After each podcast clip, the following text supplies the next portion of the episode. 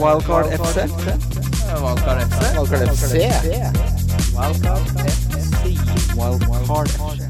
Hei, hei, og hjertelig velkommen til Wildcard FC, presentert av Nordic Bet. Mitt navn er Christian Wessel, og jeg sitter her med mannen som er ansvarlig for at Lunder revy- og teatergruppe nå har kallenavnet, eller forkortelsen, Lurt, etter at de satte opp det han trodde var en forestilling av Cats, som viste seg å bare være en samling med utekatter på scenen! Kim Grina Midtly! Ja, det er noe av det bedre lurt har satt opp, faktisk. Det gikk til sivil søksmål for at de skulle legge på at det ikke bare fikk hete Lunde revy- og teatergruppe, men de måtte forkortes med Lurt, fordi du følte deg lurt. Ja. Men, eh, men eh, det ja. kan komme noe positivt ut av å bli lurt også. Det var en fantastisk forestilling, som sagt. Hadde jeg dratt på teater på det jeg trodde skulle være Cats, og så var det en samling Setter opp på Skogglimt. Ja. Veldig fin scene. så, Og så var det en samling med utekatter, så hadde jeg strengt tatt følt at jeg fikk verdi for pengene mine. Mm. Med oss i dag har vi en eh, debutant. eh, eh, min desiderte favoritt på Twitter, i hvert fall når det gjelder eh, fancy ting. Eh, FPL-Sigurd, eller Sigurd Jorem, som du heter i virkeligheten. Tusen takk. Det er veldig gøy å være her. Velkommen, eh, Sigurd. Ah, dette Jeg sa det da han kom, jeg får litt sånn ærefrykt. Det var gøy å få noe Altså, jeg kommer, her, jeg kommer her først og fremst som fan av dere, som fan av showet. Så Da er vi fan av hverandre. Det er bra utgangspunkt. Ja, det er et veldig godt utgangspunkt. Jeg tror det kan bli en god time. Vi har jo blant annet eh, jeg, må, jeg må ta det med en gang, Sigurd. Fordi det var en som uh, Vi snakka om eh, expected goals, og så viste jeg den der eh, med korrelasjon med faktiske poeng og expected goals, og hvor sterk den er. Så var det en som bare 'Hallo! eh, det er ikke rart den er sånn.' Så sa jeg Sigurd jeg vet at han tar feil, men kan du si hvorfor? Jeg, og så fikk jeg da en eh, deilig og lang forklaring. Eh, altså, vil du veldig kjapt oppsummere det du sa til meg om expected goals, bare som vi har sagt det innledningsvis? ja, Eller skal jeg oppsummere det? ja nei, altså, jeg, jeg husker ikke nøyaktig hva jeg sa til deg, men det har litt vært å si om, om expected goals, da. Eh, det har jeg. Så én ting er at eh, på sett og vis er det riktig hva han skrev, at eh, det er ikke rart at det stemmer når det bruker gjennomsnittstall. Jeg vet ikke om det er den Det han skrev er ja, Expected goals er jo basert på snittall. Det er ikke rart det stemmer i snitt når det overfører til enkeltspillere, derimot, sa han. Ja, ikke sant. Ja. Så det, men det, det, jeg tror på en måte kjernen i, kjernen i problemet er at folk ikke er, folk, nå skal jeg, jeg skal ikke si nøyaktig hvem det gjelder, men det er veldig mange som har problemer med å forstå varians i, i fotball. At det er ikke sånn uh, at uh, alt som skjer på, uh, på banen, var nødt til å skje. Det er tilfeldigheter, og jeg mener Det er ikke deterministisk, terministiske dette her. Nei, nei, nei, overhodet ikke. Overhodet ikke. Og, og XG på en enkelt kamp og en enkelt spiller kan selvfølgelig avvike fullstendig fra hva det er. Så altså, om du ser etter om du ser etter tall som skal beskrive eh, best mulig hvor, hvor mange mål som ble skåret, så, så må du selvfølgelig se på mål skåret, eh, og ikke på XG, for da vil jo det vil jo ikke stemme. Ja. Men formålet med XG er jo ikke å beskrive nødvendigvis så mye hva som har skjedd, eller for å ha liksom komme med sånn her uh, Dette var the real quiz, uh, og, og score mest mulig XG, men det er bare for å kunne forutsi ting i hendelsen. Uh, altså forutsi hvor mye de kommer til å score i fremtiden. Og der er det overleget overlegent det meste andre du kan dra frem av, av, av stats. Ja, du påpeker Du, bruker annet eksempelet om noen treffer runner, runner, flush i poker. Betyr ikke det at flush var et sannsynlig utfall, eller at man skal kaste alle pokersannsynligheter over bord? Men det betyr ikke at det ikke kan skje. Nei. Ikke sant? Og, Du kaster jo aldri Du sitter på runner-runneren, du. nei, det har jeg lært at man ikke skal. Eh, Men er- er, det er fryktelig fristende når du har de der er- tre sparene, da. Du er romantisk i tilnærming til poker. Ja, det, det har jeg. Du er jo men- det som jeg, jeg tenker har- snakke altfor mye om poker, men du er jo det jeg hater mest med poker. Jeg det er når folk får 6-7 ut, ja. Eh, Ja, fordi når folk får suta connectors i poker, så tror du at de har fått eh, rakettene på hånda, Fordi da skal de være med hele veien ut. Men uh, det er interessant, for jeg spiller poker på den måten, men jeg spiller fantasy mye mindre og mindre på den måten. Der ser jeg mye mer på uh, modeller, tall og metrics, og jeg snakker jo ofte om amerikansk fotball. Der er det jo Det er det det, det, er det folk bruker. Alle andre blir sett på som soft. Altså du har sh- sharpe spillere som er smarte og, og informerte, og så har du soft, som er de man kan utnytte for å vinne mest mulig penger. Eh, har du satt opp et utkast som du er fornøyd med nå, Sigurd? Kommer du med Kommer du med noe du er glad i? Nei, ikke sånn, ikke sånn veldig, og det avhenger jo litt av, av eh, hva som skjer med skader og, og eh, Ja. eh, Altså sånn som eh, Antonio, som jeg har innlaget laget nå, det så ut som han- ble tatt av i en friendly. Eh, vet, ikke om, eh, vet ikke om han kommer til å være med hvis, hvis skaden er alvorlig, f.eks. la oss si hypotetisk da at eh, alle spillerne som du har med nå, er- kommer til å være 100% friske. Så driter vi potensielle skader akkurat nå. Da er jeg sånn dugelig fornøyd med laget jeg er nå. Og eh, altså, jeg, jeg, jeg ville ikke vært lei meg om, om det var det som sto der da Game 1 eh, begynte. Eh, men det er, det er et par valg som jeg liksom er i tvil på. Og ja, flere, flere ting som kan bli annerledes. Har du, et, uh, har du kommet med et nå, Kim? Uh, ja, jeg har et lag, men jeg, det er liksom ikke 100 satt. Men det er jeg, jeg, hvis jeg nå hadde havna i koma og våkna to minutter over deadline, så hadde det gått greit. To minutter over deadline. Å nei! Deadline! Å, faen! Med klokka mi rett! uh, jeg har Nå har jeg ikke pludra med dette her siden uh, forrige podcast. Det er, det er litt av en variant jeg har lagd. Det her kan jeg ikke helt huske. Da har jeg eh, McCarthy i mål. Den er grei. McCarthy Nyland føler jeg står seg greit. Så har jeg da Ty Tyrick Mitchell. I en 4-4-2 er dette Trent, Vinag Vinagre, Justin, Aubameyang kaptein, Alan Sant Maximin, Son, Sala, Vardy, Werner. Så er det jo Brewster, Johnson og Stevens på benken. Så det er jo skikkelig Bru- Wrestling-lag. Det er topptungt. Du liker det? Ja, jeg liker å tyne de millionene, sånn at jeg får bare, både Werner og Vardy. Ja, det liker jeg. Ja, jeg har gått for eh, Altså, jeg har Brewster og Davies på topp, sammen med Antonio. Det er ikke Så- topp men så jeg har da Altså Nyland og Johnston i, i goalen. Jeg vet ikke hvem jeg skal ha i mål, men uh, Nyland skal uansett være med som spillende fire. Men så har jeg Mitchell, Chilwell, eh, Trent Alexander, Walker Peters og Dockerty. Og så på midten har jeg Son, Pulisic, Madison, Sala og Aubameyang. Madison. Ja. Ja. Det høres bra ut. Ta Skal det jeg, litt skal jeg ta, så, lag, Sigurd, skal jeg ta laget mitt altså, òg? Ok, så jeg har uh, uh, Ryan Button i øyeblikket. Uh, og så har jeg Alexander Arnold, uh, Vinagre, Saiz, uh, Reece James eh, og Reece James, ja. eh, Aubameyang, Salah, uh, Socek. Det er bare for én uke med han, da. Eh, og så Antonio, Mitrovic og Werner. Og så har jeg på benken har jeg to spillere som antakeligvis kommer til å være en del inne i laget. Og det er eh, Rashford og uh, Ailing. Fra Luke Ailing, ja. Ja. Mm. De kjøper jo mye stoppere nå, Leeds, men det er ikke det vi skal snakke om i dag. For i dag så skal vi ta for oss topp ti i uh, forrige sesong. Skal vi begynne på bunnen eller begynne på toppen, gutter? Hva er det som er mest spennende? vi tar spennende? vel uh, gå bunnen, motsatt. kanskje? ja. Begynne på bunnen, ja? Ja, det blir litt litt- kjedelig å begynne med Liverpool. ja, så blir det litt forlengelse av eh, forrige episode, da, som Syns- ja, jobber det. oss mot toppen.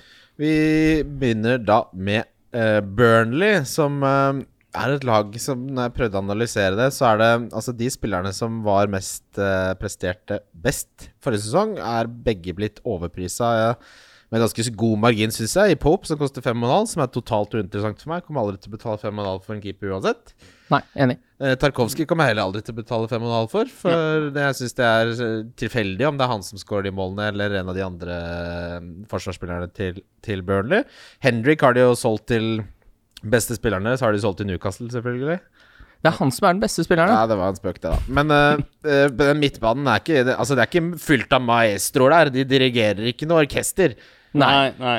Eh, og så er det Chris Wood, da. Ja, og ingenting har kommet inn. Jeg tror ikke det kommer inn så mye der, heller. jeg. Nei, tror ikke jeg heller. Eh, men Nei, de det er, hadde, hadde ikke de masse problemer med Det var noe call med, med, med manageren og, og, og direktøren eller noe sånt. Som Krangla var- litt, da. Ja, krangla litt, og de hadde ikke penger, og Daesh var misfornøyd. Daish og, hadde jo to keepere på benken eh, på et tidspunkt, eh, og ikke full benk. Eh, for å sende et signal til eh, han som da ordner med overgangene. Så når du har to keepere, det er sånn når du har glemt å planlegge på FM. Ja. For å slenge inn en Og så er det- liten keeper, da. noe med det laget til Burnley her som gjør de altså De er så ekstremt lite en selgende klubb. De har liksom ikke spillere som, eh, som ender opp med å gi de masse penger i kassa. Det er, hva er det siste store spillerne? Så var det Trippier til Spurs, liksom. Det er jo ikke noe Mm.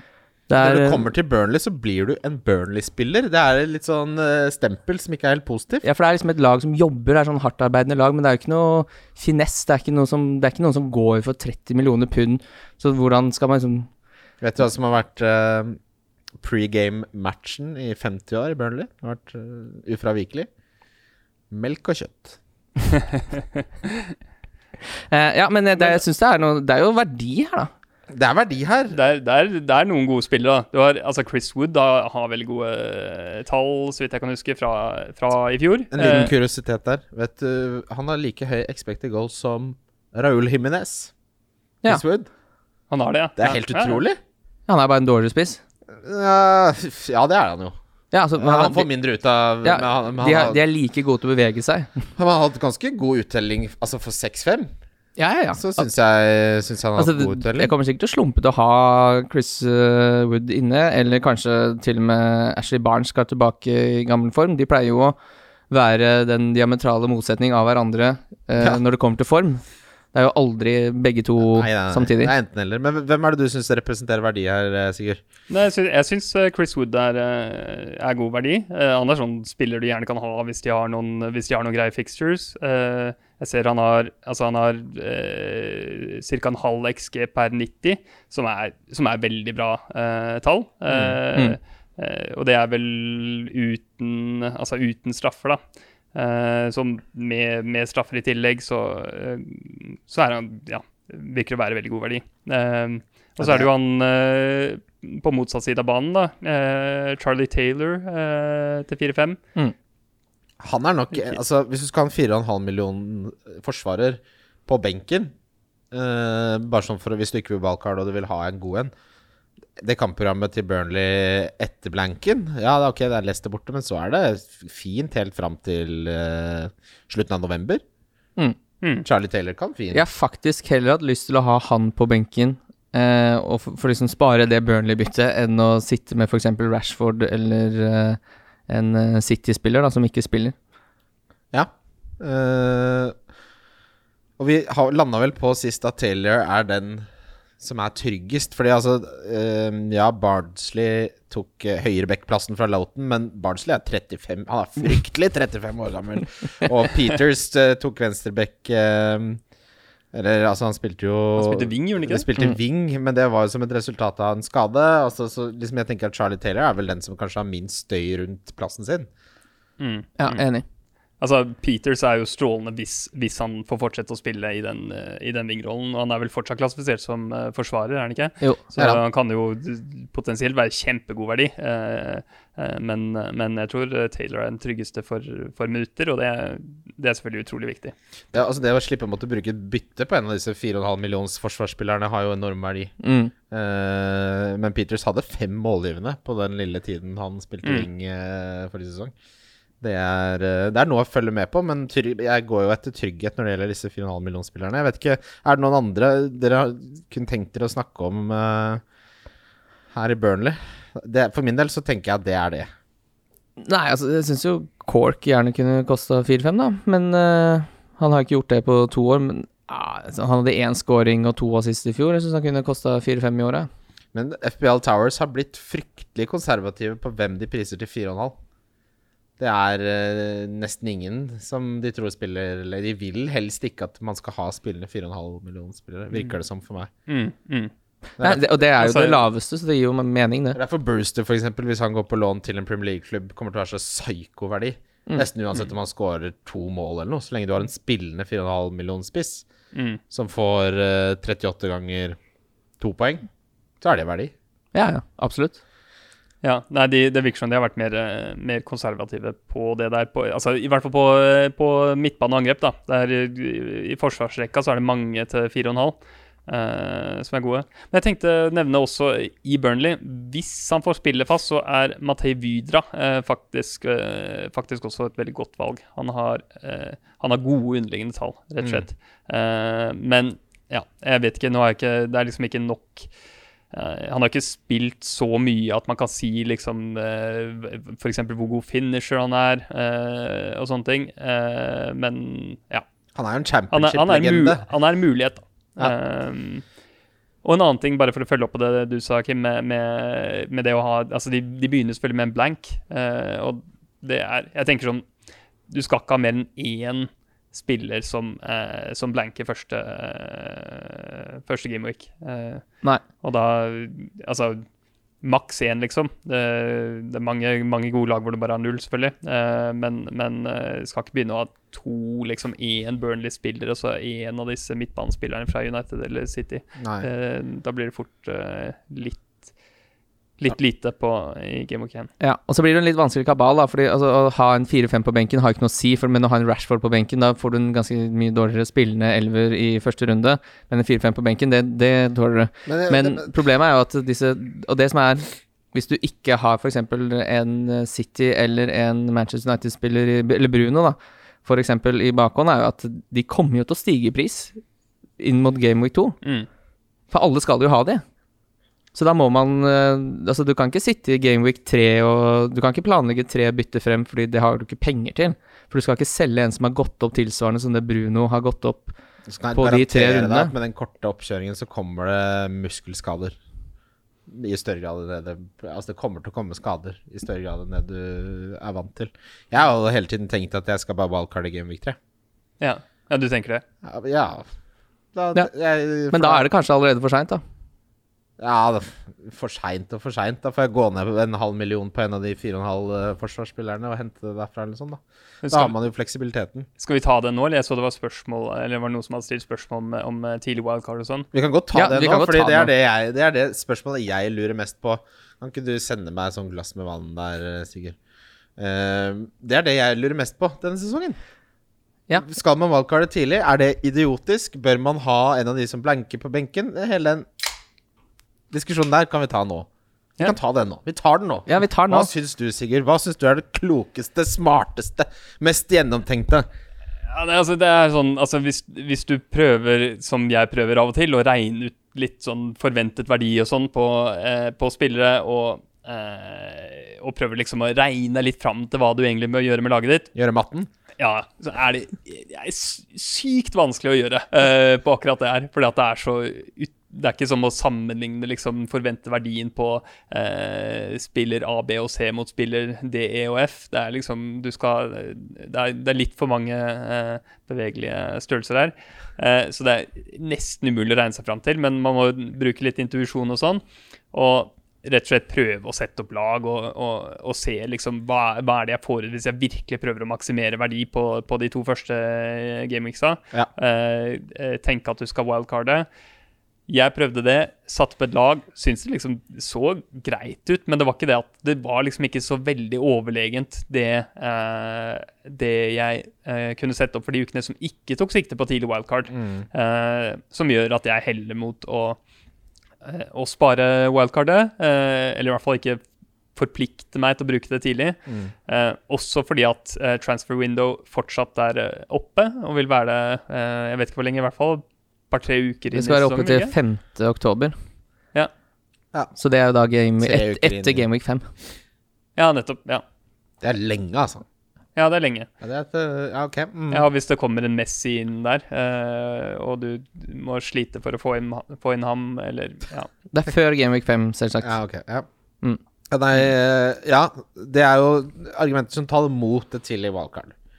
Ehm, og det jeg tenker Det jeg tar meg selv i, er jo det der Tenk deg å sende av gårde wildcardet før Game Week 3 der, så, så går det to dager, så kommer Messi inn, Ja. og du har henta Marius. Ja, og, men jeg tenker også på det med den situasjonen vi er i med covid, at det kan komme et utbrudd eller noe på et lag. Og det kan skje sånne rare Det ting. kommer til å bli eh, et, Det kommer til å bli sånn Jeg tror det kommer til å bli dobler som eh, vi ikke er i nærheten av å forutse nå. Ja. Jeg tror det kommer da- til å bli helt sinnssykt Og da å ha planlagt å bruke dette wildcardet fordi jeg skal ha inn Bruno og Kevin De Bruyne jeg, jeg begynner jo å gå vekk fra den uh, Ja, altså, ta den midtbanen min, da. Uh, med Aubameyang, Pulisic, Madison, Salah, Son. Det kan godt hende at den har kjempeverdi i fem runder, den. At jeg står fint nok med den uten å måtte kaste alt jeg har på, på sjøen for å få inn eh, Kevin De Bruyne og, og Bruno.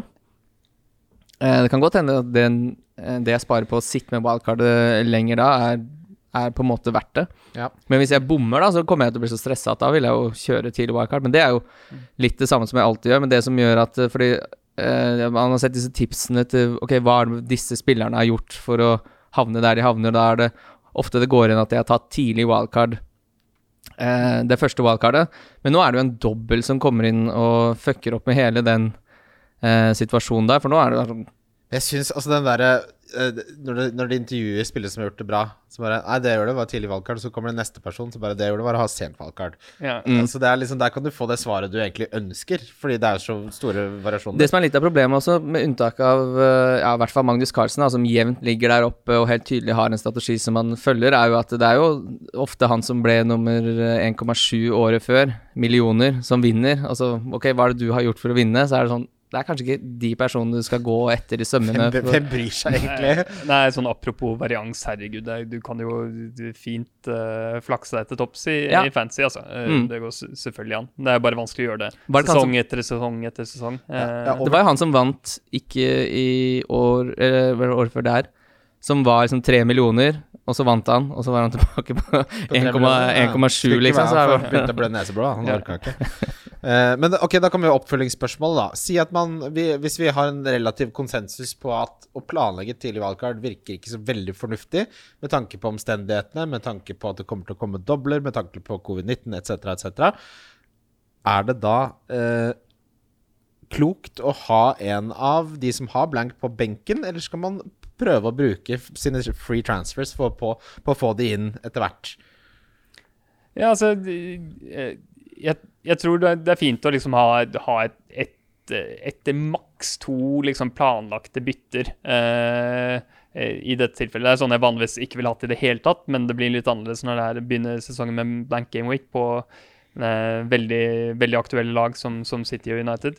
Um, og altså en, av, en av de konfliktene jeg har, er om jeg skal ha eh, eh, Rashford som eh, blanker i første gameweek, eh, eller Son. Eh, og Uh, der er det sånn at jeg foretrekker eh, Rashford uh, over, over Son. Liksom som, I hvert fall sånn baseline value, hvem som scorer mest per, per kamp. Og så er det spørsmålet om det er bedre å ha Son og, og bruke et, et bytte for å få Rashford, eller å ha Son og bare akseptere at jeg ikke får inn, nødvendigvis får inn Rashford.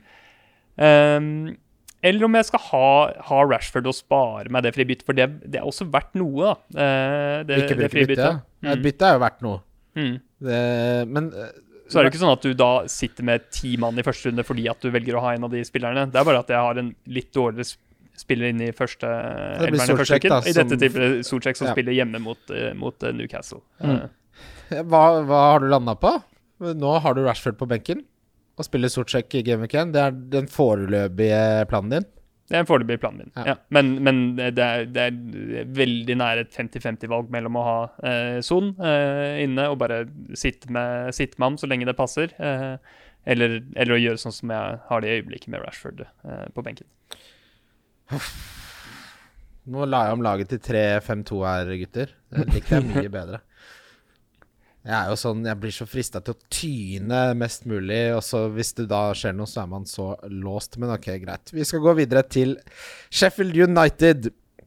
Eh, det laget som eh, kom faktisk A-poeng med Burnley forrige sesong, men imponerte jo selvfølgelig mye mer, fordi det var det ingen som hadde trodd, og eh, slo eh, forventningene i veldig stor grad. Eh, hadde jo den eh, mest unike fantasyspilleren hele forrige sesong i Lundstrøm. Han har selvfølgelig blitt prisa vekk åt skogen.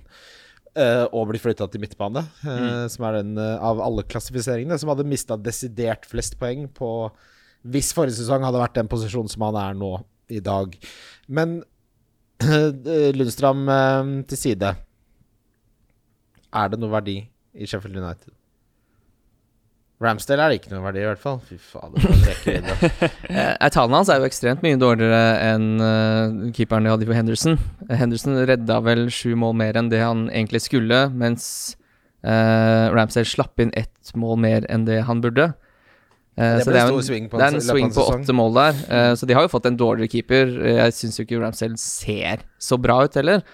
Men eh, Så de kommer nok til å tape, men hvor mye har det å si? Ikke så mye. Åtte mål i løpet av en hel sesong er jo Uff, det er jo 20% eller noe verre. det. Jeg vet ikke hvor mange mål de slapp inn. jeg. Mm. Ja, men Det kan jo være at han skulle altså, sluppet inn fire mer mot City, Ja, for eksempel, da, ok, i en så. Sheffield eh, United slapp inn 39, da. Og så slipper de inn åtte mål til. Det er 20% mer, det. Altså, øh, skal vi se altså, Sheffield United de, de, de slapp inn 39, eh, som du sa. Og så hadde de eh, altså XG sluppet inn på 47,9, så 48, da. Så de, de overpresterte sin eh, innslupne XG med, med åtte Ja, Ja, det nei, ni, ni Ja. mål. Eh, det, er ganske, det er ganske mye, og det er Altså, det, det, det er hovedsakelig pga. Henderson. Så forsvaret der er liksom både dyrere og eh, og antageligvis ikke like bra med eh, Ramsey, Ramsdale eh, på keeperplass. Men så er det spørsmål om det allikevel er bra nok, da. Er, jeg kan ikke helt se det selv, men det kan være sånn, kan være sånn at du har, noen av de forsvarerne inne eh, for en, for en god, eh, god rekke eh, med kamper, kanskje. Um, Ja, det er liksom Jeg har sett noen som har Egan, og eh, jeg tenker jo eh, Åpningsprogrammet er Wolverhampton hjemme, Villa borte, Leeds hjemme, unnskyld, Arsenal, så Fulham. Så er det en eh, Liverpool City-Chelsea-rekke der.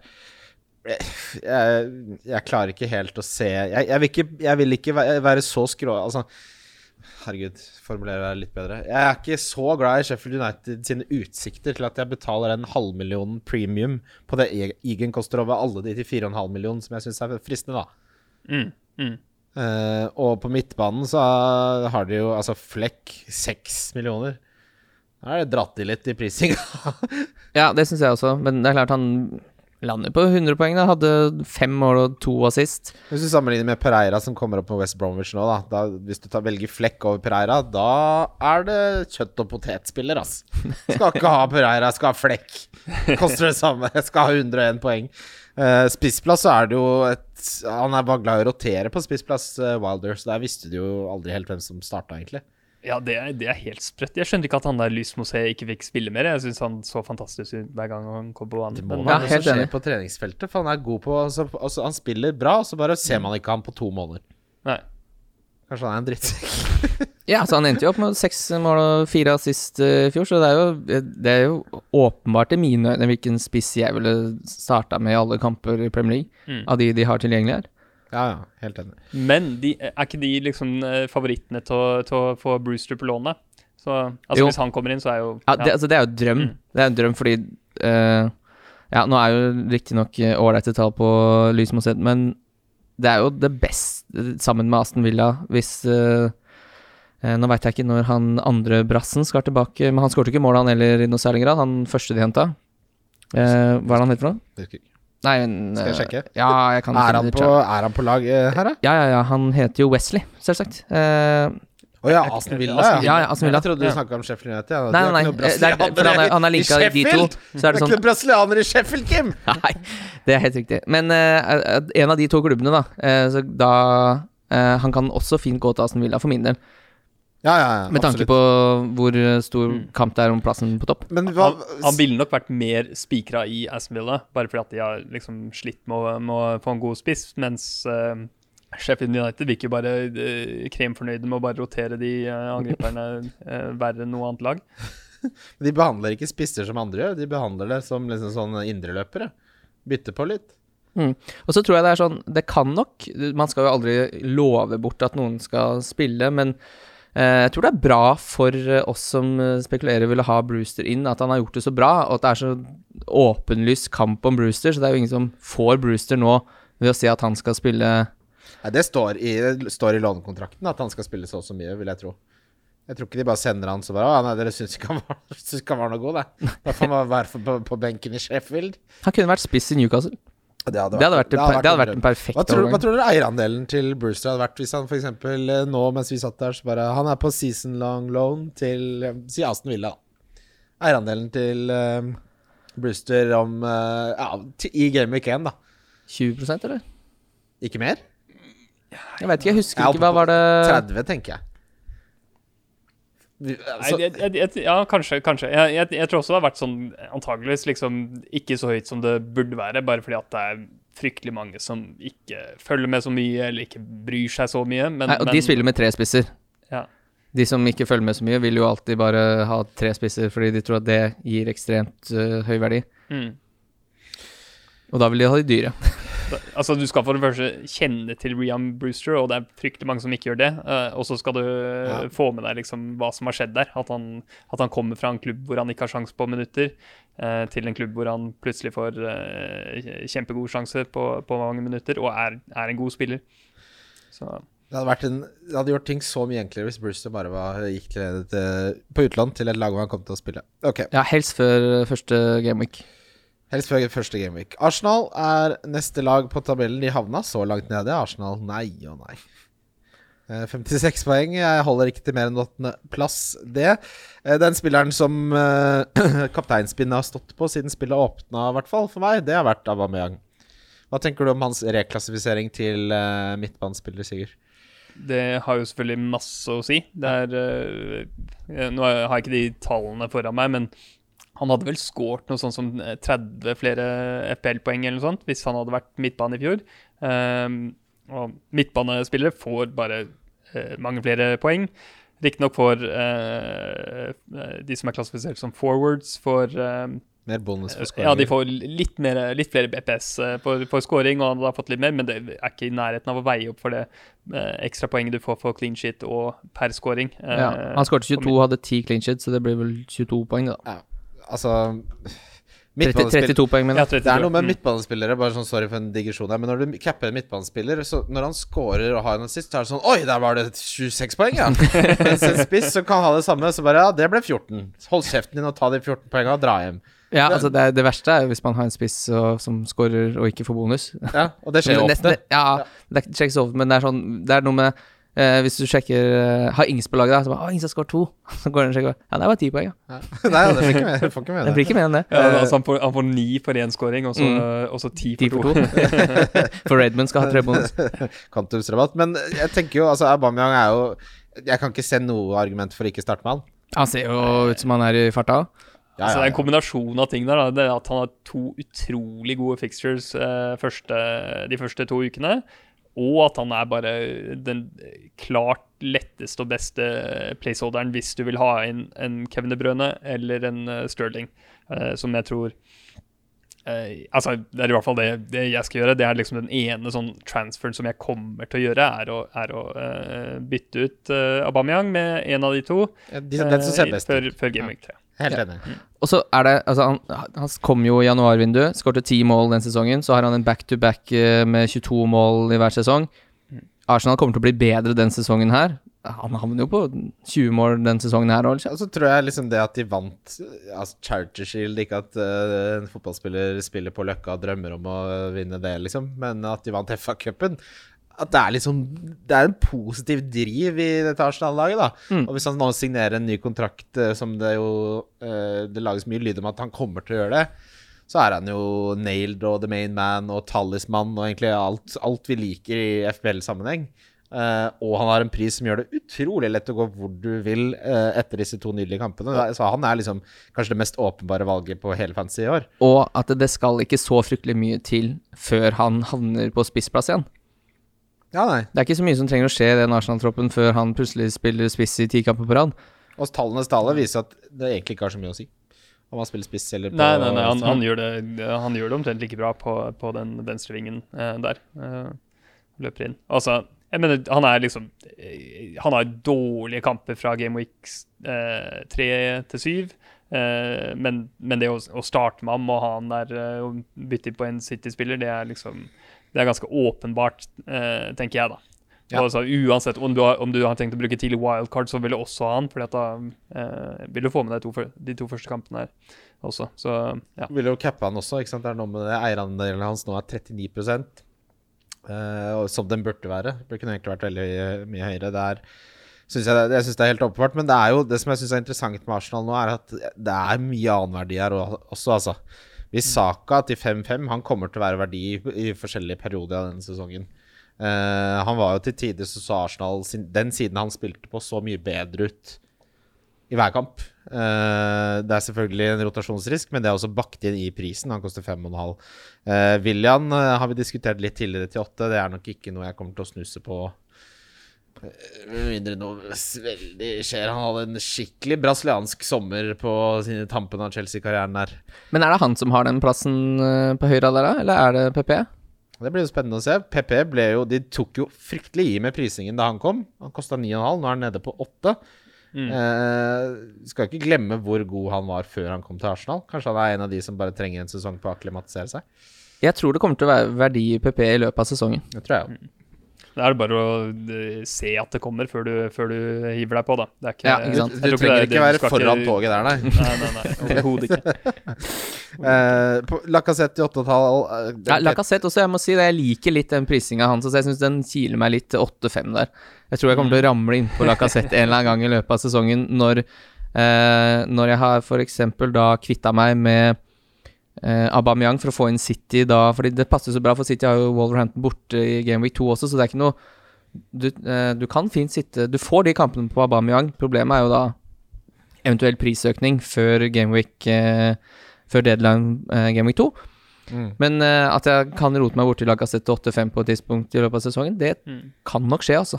Der har du jo Enketia òg, da. eh, Som er en av de andre som er eh, i hvert fall verdt å nevne eh, til koster seks. Seks, ja. Eh, og han, det virka som han hadde den plassen vel så mye som Lacassette på, på tampen av fjorårssesongen. Eller forrige sesong. Ehm, så der vet jeg ikke egentlig om jeg Jeg vet ikke, jeg, jeg, jeg syns det er noe sånn ugreit når det er såpass usikre minutter. Når det er litt sånn plass som virker å være 50-50 fordelt mellom, uh, mellom to spillere. Uh, Dette er litt sånn Her føler jeg sikkert at her er det litt sånn bam, bam, thank you, ma'am. Du må inn i tre kamper og rett ut igjen. Dette er ikke noe du har hele sesongen. Ser du at Nketia har Nå spiller han spiss, de har tre enkle kamper. Han har spilt bedre enn Lacassette. Inn og kjøre George der. Hallo. Eh, og så må du ut igjen. Komme seg ut. Men er det ikke litt sånn som, sånn som City-spissen, da? Med Jesus og, og, og Ja. Aguero. Hvis en av dem er skada, så har den andre fantastisk verdi. Og det samme kan være tilfellet her, fordi at de er begge to prisa godt for, for, for å være i, i det laget og, og ha individuelt veldig gode tall. På, I Forsvaret så er min desiderte favoritt Tierney. Nå slipper jeg å forholde meg til Altså, jeg har hatt han inne i noen drafts. Uh, han brukte fryktelig lang tid på å komme tilbake fra en uh, skulder ut av ledd og diverse andre skader, men uh, da han spilte, så så han ut til å være en offensiv uh, wingback. Hvis de i tillegg kan tighte opp litt bakover, så syns jeg han er spennende. Men det som er mest spennende, er jo Det er jammen ikke sikkert at Bernt Leno går rett tilbake og tar plassen. Eller så er det sikkert, men da selger de Martinez. Ja, for nå så jeg Martinez var ganske sterkt linka til Leeds. Ja, men de har kjøpt en annen keeper, de nå. Har de det? Har de det? Ja, har de ikke det? I dag? Uh, det f- Vent, da. Og Det var en kar som sendte oss en DM det. det er, nå er det mulig jeg surrer. Bare snakk om Det er Fulham eh, du tenker på, da. Det er Fulham jeg snakker om. Det er jo samme, det er de hvite drakter begge. Ta den, eh, ta den DM-en, da. Jeg tar DM-en, ja. Ok. Uh, fordi det liksetter vi jo veldig pris på. Det er FBL-troll, var det det? FBL-trollet, Han uh, har jeg hatt mange sene prater med i mitt liv. Marek Rådax, eh, Rise at Fulham, har han sendt oss en link på. En som kan melde seg på. Fra Fulham er Rådak lett å slakte Fulham defensivt etter sist de var oppe, men etter at Scott Parker overtok, ble det faktisk tre clean sheets på ti kamper. De hadde flere clean sheets enn West Bromwich Championship. Tipper Rådak for 8-9 clean sheets, masse redninger og 140-50 poeng. Det er veldig spåkula, spåkula her. Mye poeng tror du han får? 140-150. Men uansett, det er noe å følge med på. Uh, Jeg, jeg, har også sett det er flere som nevner det. Så det er litt interessant, det. Jeg har ikke vurdert Fulham på min 4-5-keeper, men eh, det, det, det blir vel antageligvis ganske hipp som har på hva man lander på uansett. men, men hvis Martinez går til et eller annet lag som trenger keeper, hvem altså, er jo, Men Han altså, jo hvis han han går til god. Chelsea, Hvis eh, kan det være fantastisk. Hvis han går til Chelsea, så er det jo takk for maten. Ja, for der er det jo helt eh, Der er det ikke noe sånn eh, rivalisering mellom spillerne. Bare sånn Nei, jeg går ikke til Chelsea. De bytter jo Ja, de- klubb akkurat som det passer seg. De Mellom. vil helst bytte mellom hverandre. de. Ja. ja, det hadde vært den perfekte løsninga, faktisk. Kommer William Gallas med som personlig assistent der. Fram og tilbake. Men jeg syns også at uh, en som jeg er kanskje mer interessert i enn uh, Kieran Tierney, er Bellerin, uh, som koster en halv million mindre, og har bare rett og slett en, en god historie, altså en god assist record bak seg. Han kan, han kan absolutt være, være aktuell. nå er jo? Arsenal er jo ikke, er jo ikke det tighteste laget. Eh, de har liksom de, de, slipper en, eh, de, slipper en, del mål, og de har eh, de forvent, altså de har også sånn XG mot igjen. Eh, er enda verre. Eh, men dersom de har en, en sånn periode med, hvor de møter litt, eh, litt dårlige lag, så, så, kan både, både Tierney og, og Bellerin altså, Og jeg liker den siste enda bedre. Det kan være, det kan være verdi. Men jeg tror ikke det er noe Det er ikke noe jeg er interessert i å begynne sesongen med. Da skal det, du være på der uh, Game Week 3 wildcard-planen for at du skal ha en av de. Ja, og så skal jeg se litt takter og se litt hvilke formasjoner han går for. Eh, hvem er det som blir de tre midtstopperne? Kanskje Saliba er en av de. Da er jo mm. han spennende også, så til 4,5. Uh, men jeg syns det, det har sjelden vært så mye interessant. Jeg synes det, her, Fra det Arsenal-laget her så er det mange spillere som kommer til å være relevante. Ikke sånn set and forget på noe som helst vis utenom Aubameyang, men at de skal eh, innom til tider, tror jeg prisingen tilsier. For det er en del mm. som Altså, det er, det er, så vanskelig her å si hvem som kommer til å få helt faste roller, utenom de helt åpenbare. Så det vises jo også i prisingen. Og da mm. får vi verdi. Men veldig fint for uh, Tierney at nå er vel uh, Sead Kolasinac nesten klar for lån til Schalke Norden 4. Ja, ja nettopp. Må slutte å bli Turte ikke å bo i London lenger. er det en som tør å bo i London, så er ja, det, helt åpenbart han Øzil som flytter da. Ja, det er jo idiotene på moped som flytter. Jeg, jeg syns det er så hyggelig å endelig liksom få se, få se han Tierney, som har hørt liksom mye om så lenge, og så få se han spille litt. Grann. Eh, det er morsomt. Eh, altså, det er gøy. Jeg har, Eksen min bodde i Dublin, jeg har vært mye i Dublin. Det er irske gutter. De har ett utseende. Alle heter Kieran. Kieran. Alle, alle er, de er helt like. De bare 'Sånn ser vi ut. Vi lager to millioner. Vær så god. Velkommen til land'. Jeg tror det er litt kjipt for Brennan Rogers, for jeg tror han av alle spillere han kunne valgt fritt av, så tror jeg kanskje han har gått for Tyranny til å erstatte uh, Chilwell i Leicester. Ja, det tror nok jeg også. Han, uh, han er god. Uh, Wolverhampton er jo et lag som Hvem skulle tro det? At det skulle være evig fantasy-aktuelt da de rykka opp Er det tre år siden nå? Det er de i hvert fall. Uh, litt vanskelig å fordele. Altså, midtbanen er uh, interessant. Det er såpass tør jeg si. Traoré til 6,5 er overprisa med tanke på hvor mye han blir rotert, og at den skulderen skal ut av ledd en gang i kvartalet. Uh, Jimenez til 8,5 er jo perfekt prisa. Det er evig verdi. Uh, men det er jo også Vi vet jo taket der, men den der rekka til Wolverhampton fra Også fra Gameweek 3, mm.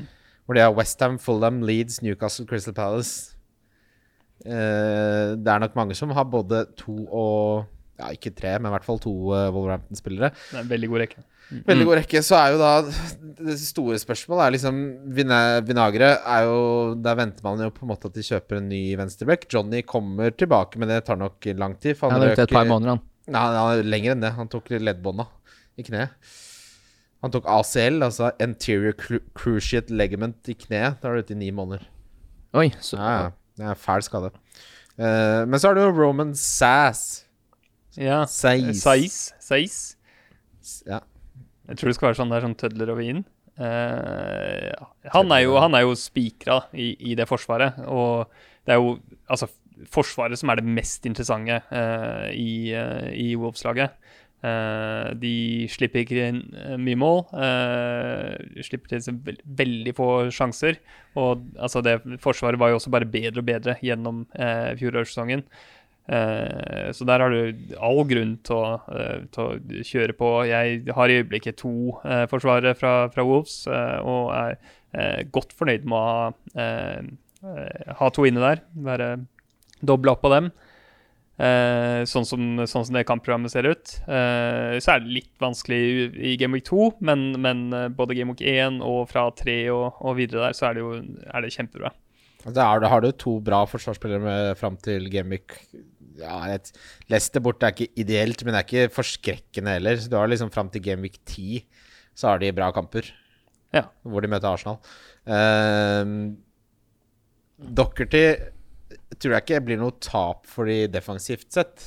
Jeg tror det blir Det tap uh, offensivt. Mm.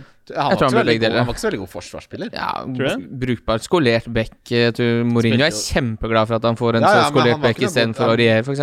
Men, eh, ja, jeg tror ikke han er Han hadde ikke noe men de skal jo ikke hente De kommer jo til å hente en samme type De skal jo spille en samme type fotball, så de kommer jo ikke til å hente en back som står back. Nei, nei, nei. Eh, så eh, hvor mange backer er det som er fantastisk offensivt? Det er jo bare eh, De to siste sesongene så har han vært direkte involvert i 30 mål. Det er bare Trent Alexander som er, nær, som er bedre enn det. Mm. Eh, så eh, hvis du skal finne en sånn type det det ikke offensiv så mange av. Nei, ikke som er noe spesielt mye bedre enn uh, til defensivt, tror jeg. Nei, nei, nei. Men spørsmålet er om de klarer å erstatte han, da. Eh, det snakka man der Thierry Correira som spiller i Valencia. Eh, så kan man, Han er fra Portugal, så kan man gjette 100 ganger hvem som er eh, agenten hans. Ja. Det er fort Jorge Mendes, det, som alle andre i det Wolves-laget. Men han har jo ikke spilt uh, Han er jo en ung gutt som har spilt to kamper, ligakamper for Valencia, så det er vel ikke akkurat han de ser for seg. Også nå gikk jo han Gibbs White, kan jo spille på høyre, men han gikk jo på lån til Swansea nå. Så Ja. de må jo handle. De må handle, Det De kommer handle. nye det blir spennende å se hva som kommer inn der. Jeg tror det kommer til å påvirke Jimenez i ganske stor grad. For det var ganske mange av de assistene til Dockerty som gikk til Jimenez. Eh, Det hadde veldig mye å si for den offensive oppbyggingen til spillet til Wolverhampton også. Men jeg tror ikke, altså, jeg tror ikke de slipper inn noen flere mål fordi Dockerty nå ble solgt. Nei, Nei, det, det tror tror jeg. Det tror jeg heller. Er, eh, han, altså, han eh, var ikke veldig aktiv i forsvar der. Nei, han var stort sett oppe og spilte tier. Han var jo en bekk som surra Han hadde mange hatter. Bytta på mye forskjellig. Uh, men ja, vi, altså konklusjonen her vi, Jimenez er ikke Hva tenker du? Er han Kommer du til å ha han for den runnen fra si Genvik 3 til uh, 9-10, da? Ah, jeg kommer antageligvis ikke til ha ham uh, der. Eh, jeg syns han, han er et helt, helt fint valg, men eh, det er bare andre som jeg, som jeg heller vil ha, sånn som det ser ut nå. Eh, og så må vi se hvordan, eh, om, det, om det forandrer seg. Men, eh, men sånn som det ser ut nå, så er det andre, andre jeg heller vil ha. eh, Han er jo liksom definisjonen på steady Eddie, men det er jo aldri de høye toppene. Det er jo den ene goalen, alltid. Ja, jeg tror nok når Werner koster rundt det samme, og Vardy koster rundt det samme, sånn, så tror jeg det skal mye til før man ender opp med Jimenez. Laget de solgte Dockerty til, kom også rett over de på tabellen, det er Spurs. Har dere sett den dokumentaren eh, Nei, men jeg skal se den så fort jeg for tid? For tida. For det har jeg sett litt av, og det er fryktelig underholdende. Umulig å ikke like Mourinho. Ja, Det ja. sånn, eh, Jeg er jo Mourinho, det er han helt lik meg. Ja, fortsatt, det er så utrolig mye Han er jo en utrolig sjarmerende mann som bare surner så fort det kommer journalister inn i rommet. Vet du hva han minner meg litt om? Dette er snikskryt, kanskje, men jeg, han minner litt om Tor Christian Carlsen i måten han bare avfeier alt på. Fuck off. Liker ingenting. Men uansett, det jo, dette Spurs har jo også et veldig bra kampprogram innledningsvis. Kane har blitt prisa til 10,5. Når det var sist han kosta det? Uh, Son koster 9, som er- frister mange. Dockerty har jo gått dit, selvfølgelig, som koster 6. Dockerty til Kane kommer nok til å Jeg har sett uh, 19 forskjellige på Twitter skrive Assist Dockerty, goal Kane, og tror de er like originale alle sammen. Nei da. Men uh, det er jo ikke noe tvil om at det kommer til å bli en populær, populær connection. Dyer har jeg sett i mange drafts av eh, en eller annen grunn. Uh, altså, Dyer er liksom ikke den spilleren jeg våkner opp og tenker Nå skal jeg inn og få han inn i fantasy-laget mitt. Men Son har jeg inne i laget mitt, og han har eh, inne i mange utkast. Og jeg har også hatt noen utkast hvor jeg har prøvd å tvinge inn Kane, men det har jeg ikke helt klart å få til å gå opp. Eh, men her er det mye verdi. Hva tenker dere? Jeg er litt spent på hva Sigurd sier. Har du noen eh, tall på liksom, Eller har du noen har du, du har vel sikkert titta en del på Kane? Eh, jeg, jeg har sett litt på han, men altså, jeg, jeg ser bare en, en uh, spiller som jeg Altså, jeg har ikke lyst på Kane i det hele tatt. deilig. Få det- få det vekk. Ja. Drittsekken Altså, han har jo god Han, han har jo selvfølgelig scora mye, men så, altså, hvis du skal basere deg på, på fjoråret, da, Ja. så har han overprestert noe vanvittig i forhold til sånn altså, XG, som jeg er glad i, eh, og som eh, jeg- jeg har, altså, har veldig god prediktiv eh, kraft. Eh, så, så har han altså 10,6 eh, expected goals, har han, og så skåret han 18. Det er Eh, sinnssykt. Det er helt vilt. He's Liksom. Det, stealing a living, som de ja, sier. det, er, det, er, det er langt, langt over hva du kan forklare med, med finishing skill, uh, som, han, som han jo har. Men det, liksom, det, det vil ikke opprettholde seg hvis han ikke forbedrer, uh, forbedrer uh, antall skudd fra, fra bedre posisjoner. Eh, så, så jeg er ikke veldig stor på Kane, altså, men, men sånn liker jeg veldig godt. Ja, det gjør vi òg. Eh, Det er favorittspilleren til Kinn, Ja. er det vel? Ja, det er fort det, altså. Jeg, kunne, jeg, jeg drømmer om han til Liverpool. mm. Eh, jeg har, sånn kommer jeg nok til å starte med, og der er den avveiningen som du har gjort, da, med Starte med sånn eller uh, starte med Rashford og benke han, og der ser jeg verdi å starte med sånn uh, og heller gjøre det noe dobbeltbytter eller noe i fremtiden, fordi Everton hjemme fikk ikke uh, dreisen på det forsvaret. Den midtbanen har de ikke fått fiksa heller. Nå har de jo kjøpt James Rodriguez. I alle dager. Ja, 25 millioner pund, det var billig. Hva skal han surre med borti der? Men er det Altså, bekrefta, eller er det bare bekrefta av noen som Det vel 90 har god kontroll? bekrefta? Det er sånn, ikke det? ja, jeg tror det er sånn uh, Ja, det er som når James Pearce går ut og sier at Liverpool har henta en spiller, så har de det. Ja, det, det, er, altså, det har jo vært rykta så lenge, og så nå kom det 25 millioner. Bam, ja. Mm. Men eh, Er det, var det boom først òg, eller? boom. Boom! Hams Rodriguez til Everton, de liker å kjøre boom hver gang det kommer kjøre litt nytt. sånn onomatopetikoner, ja. Men Southampton borte, ja, de er jo mye verre på hjemmebane, Southampton. Jeg vet ikke om det er tilfeldig, eller om det er en stat vi kan stole på. Så er det Newcastle hjemme for Spurs. Oi, oi, oi. Uh, altså egentlig med Ja, fine kamper fram til Game Week 9, de også. Samme Ja. som Wolverhampton. Mm. Uh, men det er mange som uh, bare er Dockerty nå. Nå spiller han for et bedre lag. Gjør han egentlig det? Er de så mye bedre enn Wolverhampton? Historisk sett så er de jo selvfølgelig det, men hvis du ser på tabellen, så er forskjellen eh, De er A-poeng. Eh, Spurs skåra jo ganske mange flere mål. De skåra ti mål flere, men de slapp også da inn sju flere mål. Eh, hva tenker dere om Dockerty til Spurs? Er det en oppgradering, eller er det en nedgradering? Jeg vil jo si at å komme i At det er liksom Kane, Son, Ally, Lucas som kommer i enden av disse innleggene. Det er jo en oppgradering eh, I forhold til Hota? Ja, Hota og, og Jimenez, som åpenbart er uh, den uh, ultimate linken Ja. i Wolverhampton der, så det er jo jeg, jeg tror ikke han kommer til å miste målpoeng av å gå til Spurs. Nei, Men altså, så kommer han til å miste mye clean shits. Ja, Ja, det tror jeg, fordi de, havn, regnskapet? de havner ikke på 15.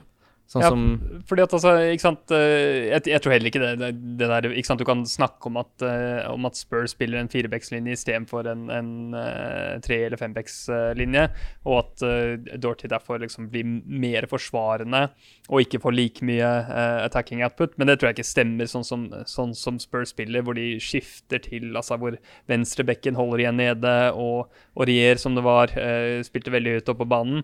Og jeg tror ikke, jeg tror ikke Dorothy vil, eh, vil få så mye dårligere angrepstall, men jeg tror absolutt han vil uh, at, at uh, antall clean shits det, uh, det ser ut som det skal gå ned. sånn fra de, fra de defensive tallene til, til Spurs versus Wolves. Altså, det som er med Spurs, er at de har en veldig god keeper i Laurice, som, som redder mye.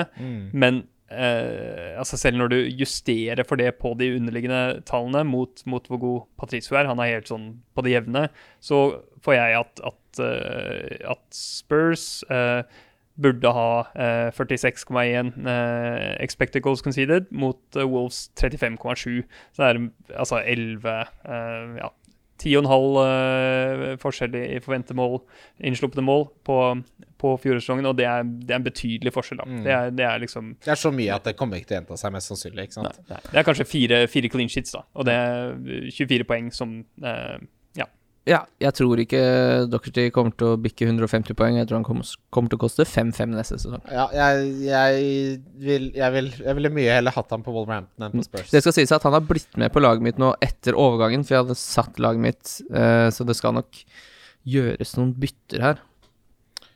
ja, det hører Jeg liker også Reece James bedre og bedre til 5, men jeg liker Chilwell til 5-5. Ja.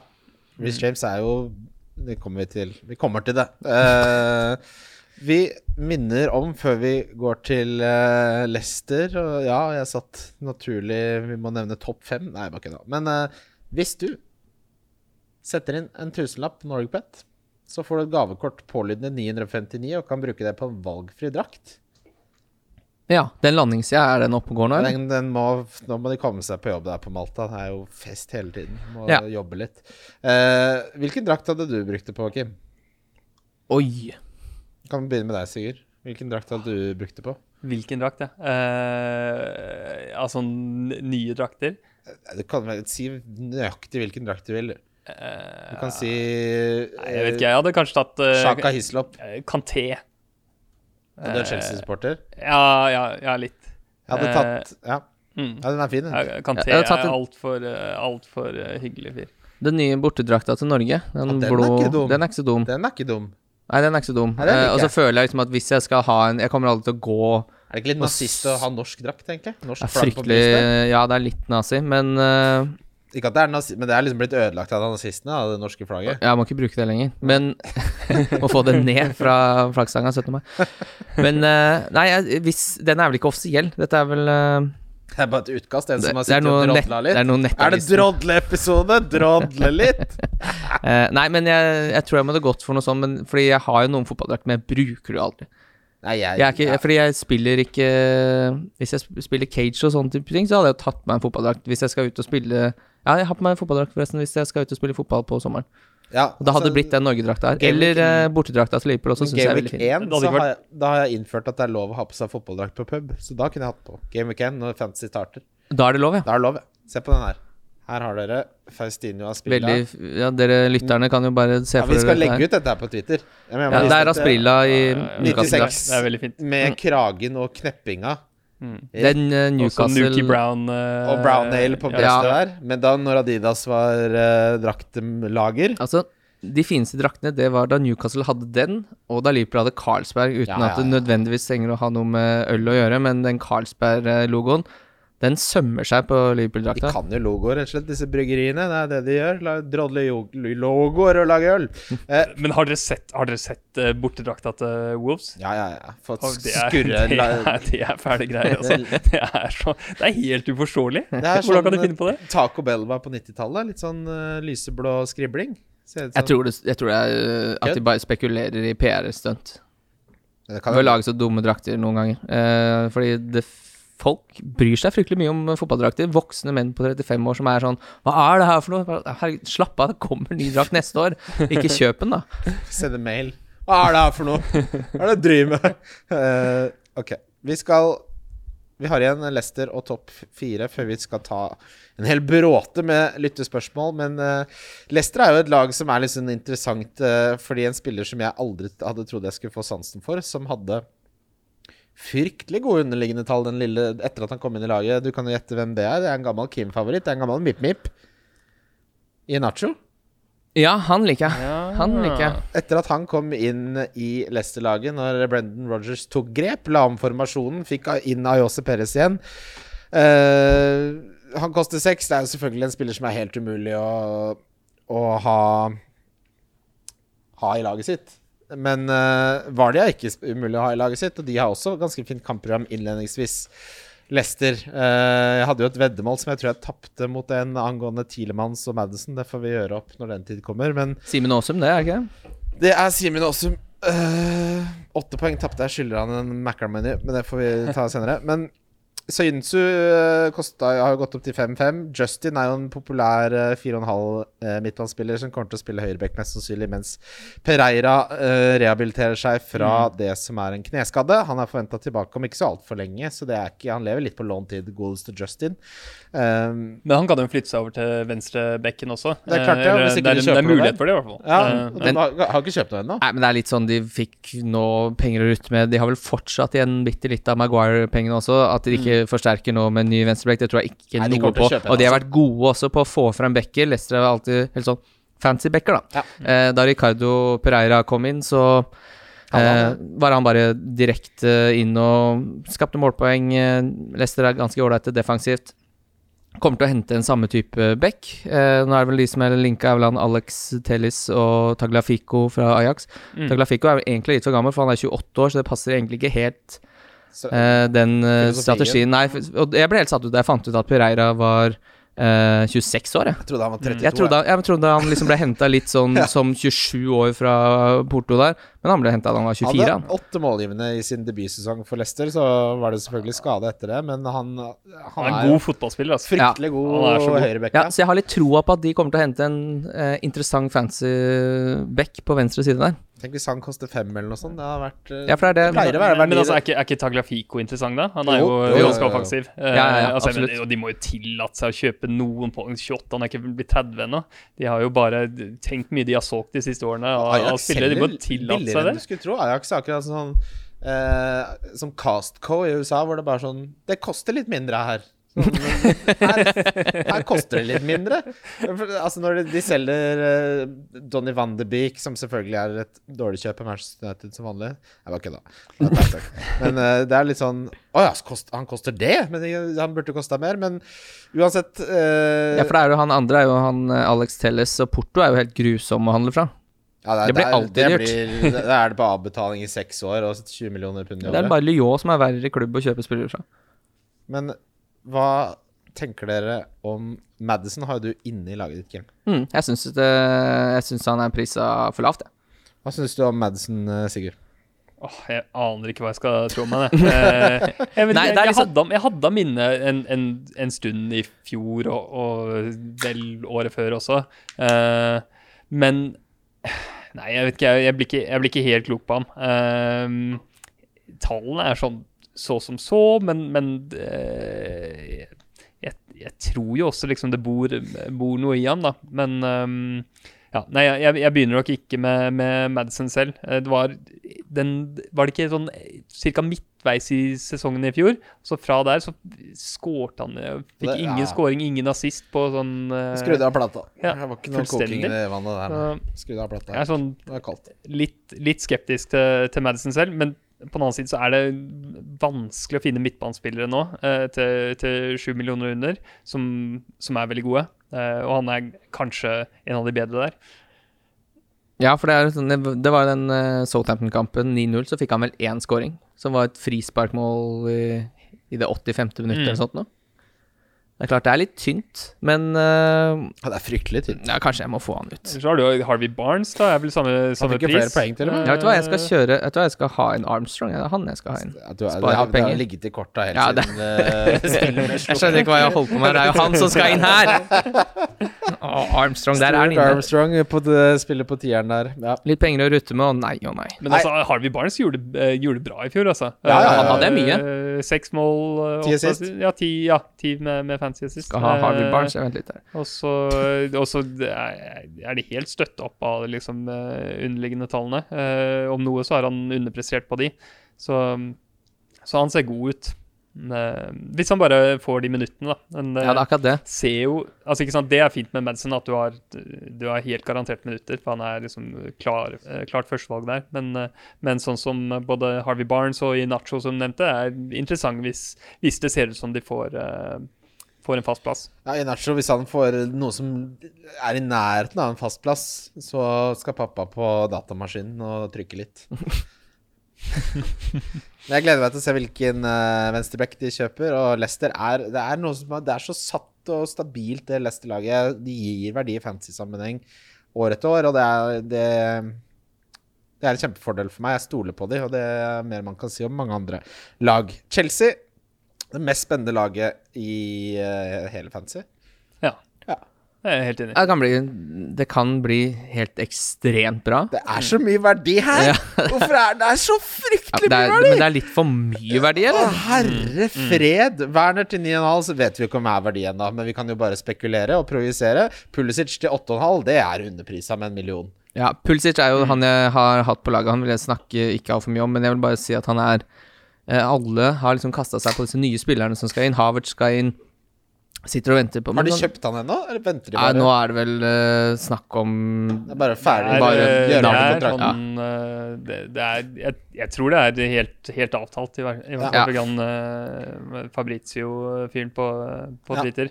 Eh, så er den helt, helt i mål. Uh, mm. Men Pulisic har da gått helt under radaren. Han koster jo eh, 0,5 mer enn uh, Ziyech, men han har jo Siers har jo 20 eierandel. Pulisic har 5 Ja, han er rødmerka, jeg vet ikke om det spiller inn, men eh, den hamstringen tror jeg Ja, han ikke er Hva er det han sa Hva er uh, uttrykket han uh, brukte da? Det var uh, touch and go. Touch and go. And go, ja, da er det rett rundt hjørnet, da. Ja. Ja. Altså, hvis, hvis Frem til er Week 1. Ja. Hvis Ja. ikke er skadefri, så, så har jeg veldig lyst til å ha han selv. Enn så lenge så har jeg, har jeg bare Werner av, av angrepsspillerne nede på, på laget. Uh, for Werner også ser helt fantastisk ut. Han har jo, han har jo helt bananas eh, tall fra, fra Bundesliga. ja, jeg har jo sagt flere ganger at han har nest best tall etter Messi Ja, i Europa. Ja, Det er helt fjollete. Nest stoler er ikke 1 på de Bundesliga-tallene. Har blitt brent, brent litt. Ja, men det går ikke så mye ned, for jeg så noen som hadde sett på det. Altså, du har ikke, her har du ikke noen god sample size hvor du får liksom helt spikra så mye vanskeligere er det i, i, uh, i Premier League versus Bundesliga, i tillegg til at det er mange andre variabler med hva slags lag de kommer fra, hvilken posisjon de spiller der versus laget de kommer til, og sånne ting. Men sånn jevnt over så virker det som uh, Det jeg så, var liksom at uh, det beste estimatet var at, de, at du kunne forvente at det gikk ned ca. 6 men det er jo ikke noe. Hvis du tar vekk 6% fra, fra de tallene som, eh, som Werner har eh, fra Bundesliga, så eh, har, han, har han veldig, veldig mye å gå på. Eh, og, og, og ser ut som fantastisk verdi, eh, sånn som jeg ser det. Så han er liksom eh, den første spilleren jeg fikk inn på laget, og er en av de sikreste inn, på laget mitt Eh, mot Ja, Werner har også vært der hele tiden for meg. Han er Auba. Uh, på siste utkast mitt Mista, altså Pulisic inn. Fy flate, han er så god. Han kan, han kan bli den beste spilleren i Premier League. Ja. Nå tar jeg litt i, men det må være lov å prøve å leke litt. Men uh, jeg så noen som påpekte at altså, Havertz har jeg alltid tenkt på som en sånn tier. Mm. Han ble brukt som target man til tider. Ikke som en som de spiller høye baller som han nikker ned, men som en Altså at ballen skal til han nærmest uansett. Og at Mm. det var så også noen som spekulerte i det at kan godt hende Havertz spiller lenger fram enn Timo Werner. Ja, det tror jeg ikke. Ja, det er vel, jeg tror også det er usannsynlig, men altså, det, eh, sånn som jeg har forstått det uh, i, i Chelsea, så er det mest sannsynlig at han enten spiller som en åtter, uh, altså hvor du har uh, Kanté eller Kovacic uh, nede i bånn der, og så, og så har du Mount på den ene sida og, og Havertz på den andre, og så har de andre spillere de kan sette inn der også, sånn som Loftus Cheek. Så det er den ene muligheten er at han spiller som en åtter. Andre muligheten er at han spiller som en, som en tier eller en, en, en dypliggende spiss bak, eh, bak Werner i en sånn eh, 4-2-3-1-formasjon. Eh, og i begge, begge de posisjonene så kan han, kan han få god, eh, god uttelling framover. Men jeg syns ikke han er den mest interessante, avhengig av hva han kommer inn på av pris. da, Det har vi jo selvfølgelig ikke fått ennå. Eh, men, men ikke sant, her er det jo Det er så mange å ta her, da. Det er jo Werner og Pulisic og, og Og og, ja, og alle er jo, sammen. er så er det jo eh, som dere var inne på, Reece James til fem. Ja. Uh, Syns jeg er spennende. Uh, var det kjøpt Chilwell? Han er totalt uinteressant for meg. Jeg skjønner ikke hva du ser i han, Kim. Syns ikke han er noe god, og tror, tror ikke det blir noe verdi. Jeg synes han er Du syns ikke han er noe god? Nei. Når har han vært god? Jeg syns han har vært eh, bra, ja. De gangene jeg alltid har fått han inn på laget, så sjekka tallene hans, så har han alltid hatt eh, ålreite tall, han. Jeg, jeg syns han virker, virker helt ålreit. Men jeg er, også, jeg er også mer interessert i, i Reece James, ikke minst fordi han koster en halv million mindre. Da. Mm. Uh, men ja, det, som, altså det, det man må vite med det Chelsea-forsvaret uh, altså i forkant av sesongen, er at de har underprestert noe er voldsomt, for de har hatt Kepa i mål. Og Kepa har vært altså så Den dårligste, Så dårlig. definitivt keeperen ja. i Premier League. Ja, det har vært helt grusomt. Verdens dyreste keeper, Premier Leagues dårligste. Tenk deg at de kjøpte Arasa Balaga for så mye penger, og så bare Han fikk det jo. Han fikk jo frykt, da. Fikk jo Ja. frykt, da! Altså, Han fikk to sterke snus som han ikke var klar for at var så sterke. Sitter han der og får angstanfall på jobben? Nei og nei! Verdens dyreste forsvarsspiller er Maguire, og verdens dyreste keeper er Kepa. Det er eh, Da har det gått det er kulevarmt. Fy fader, tenk deg, skal inn på presentasjonen der og takler det ikke. Han skal møter opp på kamp og er livredd, da. Men de må jo kjøpe. Du skal få en sånn eh, XG-stat igjen. Fordi at, eh, fordi at eh, Chelsea hadde en, en, var tredd best på eh, innslupne XG. Eh, altså XG imot. På, hadde 37,3 eh, bak Wolves og, og City. Eh, men innslupne mål, eh, Chelsea, det er 54. Så de har altså eh, sluppet inn 17 flere eh, mål enn hva, hva hva XG skulle tilsi. Og det, Kepa, du har jo sabotert Chelsea! Ja, Da kan du sette en tiliters bøtt med vann i morgen, da. Få meg inn i det målet der. Litt brengkvikt. for det er, det er rett og slett Kepa. Eh, altså, ja, har det vært litt, sikkert litt uflaks òg, men du, altså, det er Ja. De må bare, hvis de får en ny keeper, så er eh, det forsvaret er også kjempeinteressant. Men det må de jo, for det, hvis vi sitter og ser på de tallene her, så sitter de eh, på brua og ser på de tallene her. så Det er, får- det, det de er naivt å tro at en klubb som omsetter for to milliarder, bare skulle ikke hatt noen sånn fancy folk som ser på litt tall her, og knus, knus tallene litt. I heard this uh, fancy football uh, yeah. podcast. They got, really know the stuff. Really know the stuff, man. Hørte noe utrolig rare stats om keeperen vår. Men Vi kan ikke fortsette med Jeg Skjønner det hvor dårlig han er! vent litt, jeg skal sette den på til dere. Hør, hør på det her. Jeg Men tror Frank var- Lampard skjønte jo det, han også.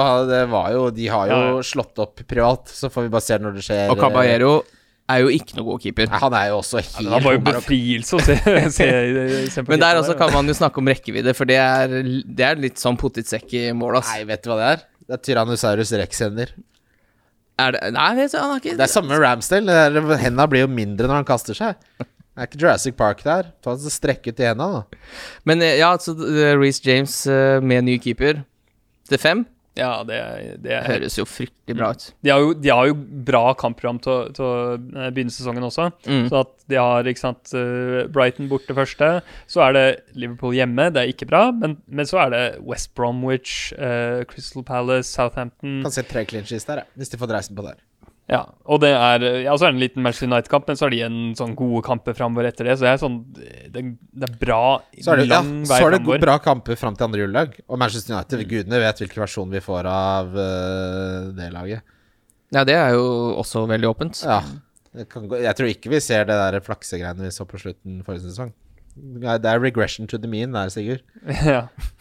Men altså, det, er, det, det jeg tenkte å si med, med Chelsea, at det er, det, er, det er mer usikkert når de har såpass mange nye spillere som de skal få til å fungere sammen. Og vi kan ikke Det er ikke, ikke, sant, det er ikke, det er ikke så enkelt som at vi bare kan se på individuelle tall og, og, og tenke at det vil bare fortsette inn. Så det er, det er usikkerhet der.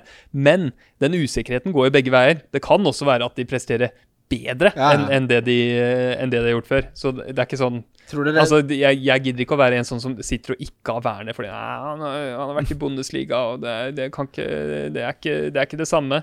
For det, det, det kan fint gå, uh, gå bedre også, i hvert fall sånn som Chelsea spiller. Spiller veldig offensivt uh, og, og skaper masse sjanser. Så jeg har liksom Jeg har troa, men, men uh, og det er usikkerhet, og det, det kan slå begge veier. Usikkerhet er i dette tilfellet positivt for vår del, fordi det har ført til at folk har blitt litt underprisa. Her er min reaksjon. Uh, Tiago Silva blir jo spennende å se. Jeg så noen som hadde en analyse at når han ble bekymra Bekymra hvis forsvarsspillere blir det, men at uh, han hadde en tendens til at istedenfor å spille Hvis han skulle spille høy linje, da så når han begynte å føle at uh, ble, de ble pressa, så var hans tendens til å gå så nærme målet som mulig. Så ser jeg for meg en sånn Det skal være høy linje, men Thiago Silva som står ved siden av hvem som ender opp med å være keeper der, og bare Nei, nei, nei! Vi skal ikke lukke ned. Jeg er 35 år, jeg er livredd.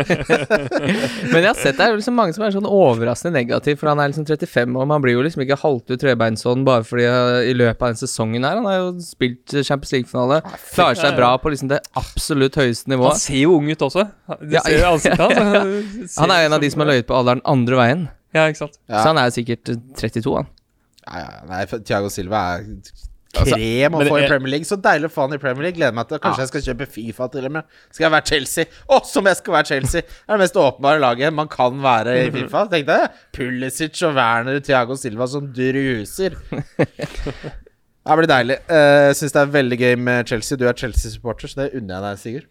Ja, det blir gøy. Det blir veldig spennende. Frank Lampard også liker det. Han eh, gjorde litt sånn Han viste at han var fersk litt i starten, og så virker det som at han har lært, og at han har veldig mye å komme med. Det er ikke som han bare 'Nå skal vi spille 3-5-2, og så ser vi hvordan det går'. Det er liksom Han uh, virker å være veldig hands on og Men, Han virker Han er jo dritsmart, åpenbart. ja. Han er jo Mm. Mensa-medlem. ja, men dette må funke nå, Fordi nå har han fått alt han har pekt på Ja, det av Abramovic. Og det, det er de skal ligge ganske tett opp til førsteplassen til jul hvis ikke han skal uh, er, få litt altså, problemer med å møte opp på jobb. Dette er jo fordelen med at du ikke får lov til å handle i et overgangsvindu. Dette er som norske husstander i korona, at de har så mye disponibel inntekt å svi av at eh, handelsstanden har jo økt med 20% selv om verden går under. Dette er jo Chelsea som kjøper spillere. Folk kjøper jo TV-er til 50 000. Det tar helt fnatt her. Ja, de jo De har jo Altså, det virker jo veldig rart at man kan liksom ta seg At man kan bruke for mye penger, og så tar man og bare holder opp et år, og så har man spart opp i det løpet til at man bare da kan handle hjem. De har jo fått eh, Pengene for Morata har vel kommet nå, 50 Ja, ja, så omsetter de for mye også. Så hadde de Chelsea, Hazard-pengene i bakhånd der, så de hadde jo mulighet til å bruke veldig mye penger nå. Bare, Jeg er mer spent på hvordan Messi skal komme seg til Manchester City. Mm. ja, der, blir det jo, der blir det jo en eh, mest sannsynlig en rettssak. Nei, Ja, ja, altså, ja. fordi sånn som det er i Spania, så er eh, disse presidentene er eh, personlig ansvarlige. Sånn at hvis det blir sett på som at han ikke gjorde nok for å beskytte deres aktiva, så kan han eh, bli ettergått i eh, retten personlig. Så kan han selv måtte dekke det de mener at de har tapt, eller hvis han, de lar slippe for billig eller noe. Apropos, vet du hva Hazard har gjort i Real Madrid mens han ble solgt fra Chelsea? Nei. Ingenting. Å ja. Fritt. Hazard, ja. Han har bare spist molle fritt og dyppa fingrene i kokosmelk der nede. Nei og nei. Ja, det var Litt trist det gode, der, altså. var gode penger for Chelsea. De mista jo åpenbart den beste spilleren sin, men, uh, Men han det men se, hva- se hva de har fått for de pengene her nå. Ja, Nei, Jeg syns det er så trist, jeg. Eh, Jeg var veldig glad i Hazard. Er det fortsatt også bare litt trist å se at det bare Det skal ikke gå der nede. Ja, for nå, men nå Han har vært litt skada og sånn. Ja, han har vært litt skada. Han får jo tro han får det Når han får lov til å leke seg med Martin Ødegaard nå, så burde det gå bra. Mm. Manchester United. Vi måtte, måtte Vi måtte innom. ja, det, Ja. Nei da. Jeg, for det, lyttere av podkasten, dere vet veldig godt at um, Det er banter. jeg, jeg unner dere når det går bra. Og så syns jeg det er litt morsomt med Solskjær som kaller alle for um, Moisey og Digsy og Ladsy og sitter der og smiler og har så mange svin på skogen at han kunne oppdretta grisefarm hjemme. Uh, uansett, det er ikke det vi skal snakke om i dag. Vi skal snakke om spillerne for Manchester United i fantasy sammenheng. Og hva er det som har slått dere her? Greenwood til 7,5. Hvis ikke de kjøper Jaden Sancho, så tenker jeg at han har fryktelig verdi. Eh, Martial avslutter jo sesongen fryktelig sterkt. Veldig sterkt. Jeg skrev en artikkel hvor jeg am uh, anbefalte folk å ikke ha han, og det angrer jeg på allerede. Jeg skjønner ikke hva jeg tenkte på. For var jeg så fryktelig mot han. Jeg tror kanskje jeg mente han overpresterte. Jeg må se hva jeg, hva jeg faktisk resonnerte der. Men hva tenker dere? Hva Nei, det er er det vel som fordi han har gått opp uh, 1,5 million i Og pris bytta posisjon. og bytta posisjon. ja, det er vel det er helt riktig. Det er sikkert det jeg tenkte. Men hva tenker dere her, gutter? Altså Hvis du ser de, de fire Det er fire aktuelle angrepsspillere, ikke sant? Det er, det er uh, Rashford, Greenwood, uh, Fernandes og, og Martial. Mm. Uh, og altså, bare for å ta liksom min, min rekkefølge på hvem jeg liker best, Ja. så har jeg Rashford øverst. Det er bare på grunn av det, det er fordi du har sett at de underliggende tallene hans er bedre enn alle de andre sine. Ja, Ja. ja. rett og slett. Og det er også altså, du, Uansett hvordan du vrir og vender på det, og tar vekk straffene han har tatt, og, og holder på sånn, så er han fortsatt de beste tallene. Og han er nå midtbanespiller og vil skåre eh, mer poeng eh, fra det. Han fikk dårlig betalt også. Jeg hadde han en periode på slutten av forrige Ja, ja. Han fikk jo Mm. desidert dårligst betalt av alle angrepsspillerne til Manchester United. Men han fikk eh, veldig bra med bonus. da Han fikk 31 poeng i bonus, så det skal jo siles litt ut der. Ja, ja han vil jo han vil ikke- miste ikke- ja, Men det er ikke sånn at han ville miste alle de. ikke sant? Nei, nei, nei, han ville kanskje nei. fått ti mindre bonus, men, men uh, hva da 20-30 poeng mer, mer i, i eh, i andre ja. enden. Mm. Mm. Og hvis det da lander her, så lander han på en 185. Kjempeverdi, det. Ja, til 9,5. Mm. Det Ja, er, altså- det, så er det verdiet. Ja, og Særlig fordi at han ikke Han spilte jo ikke hele veien. Han var jo skada midt i sesongen der. Mm. Ja. Eh, så altså vi, Altså, ja Jeg kan, kan gå gjennom de der eh, XG, XG XA-tallene deres eh, eh, som jeg støtter. Hvis du sammenligner da Rashford med, med, med Bruno Fernandes, som mange, eh, mange er veldig gira på. Eh, ikke rart, siden han, han skåra masse poeng på tampen av, av sesongen. Men så er altså eh, eh, XG per 90 eh, er da eh, 0,66 eh, for Rashford mot 0,44 eh, for, for Bruno Fernandes. Så er eh, Altså, Rashford er overlegen der. Om du tar bort, du tar bort straffene eh, fra de her, da, eh, så har du 0,45 mot 0,22. Eh, eller da, for å ta Rashford uten straffer mot Bruno med straffer, så er det 0,45 mot 0,44. Så Rashford har fortsatt bedre XG. Og i tillegg så er det det at United fikk ekstremt mange straffer i fjor.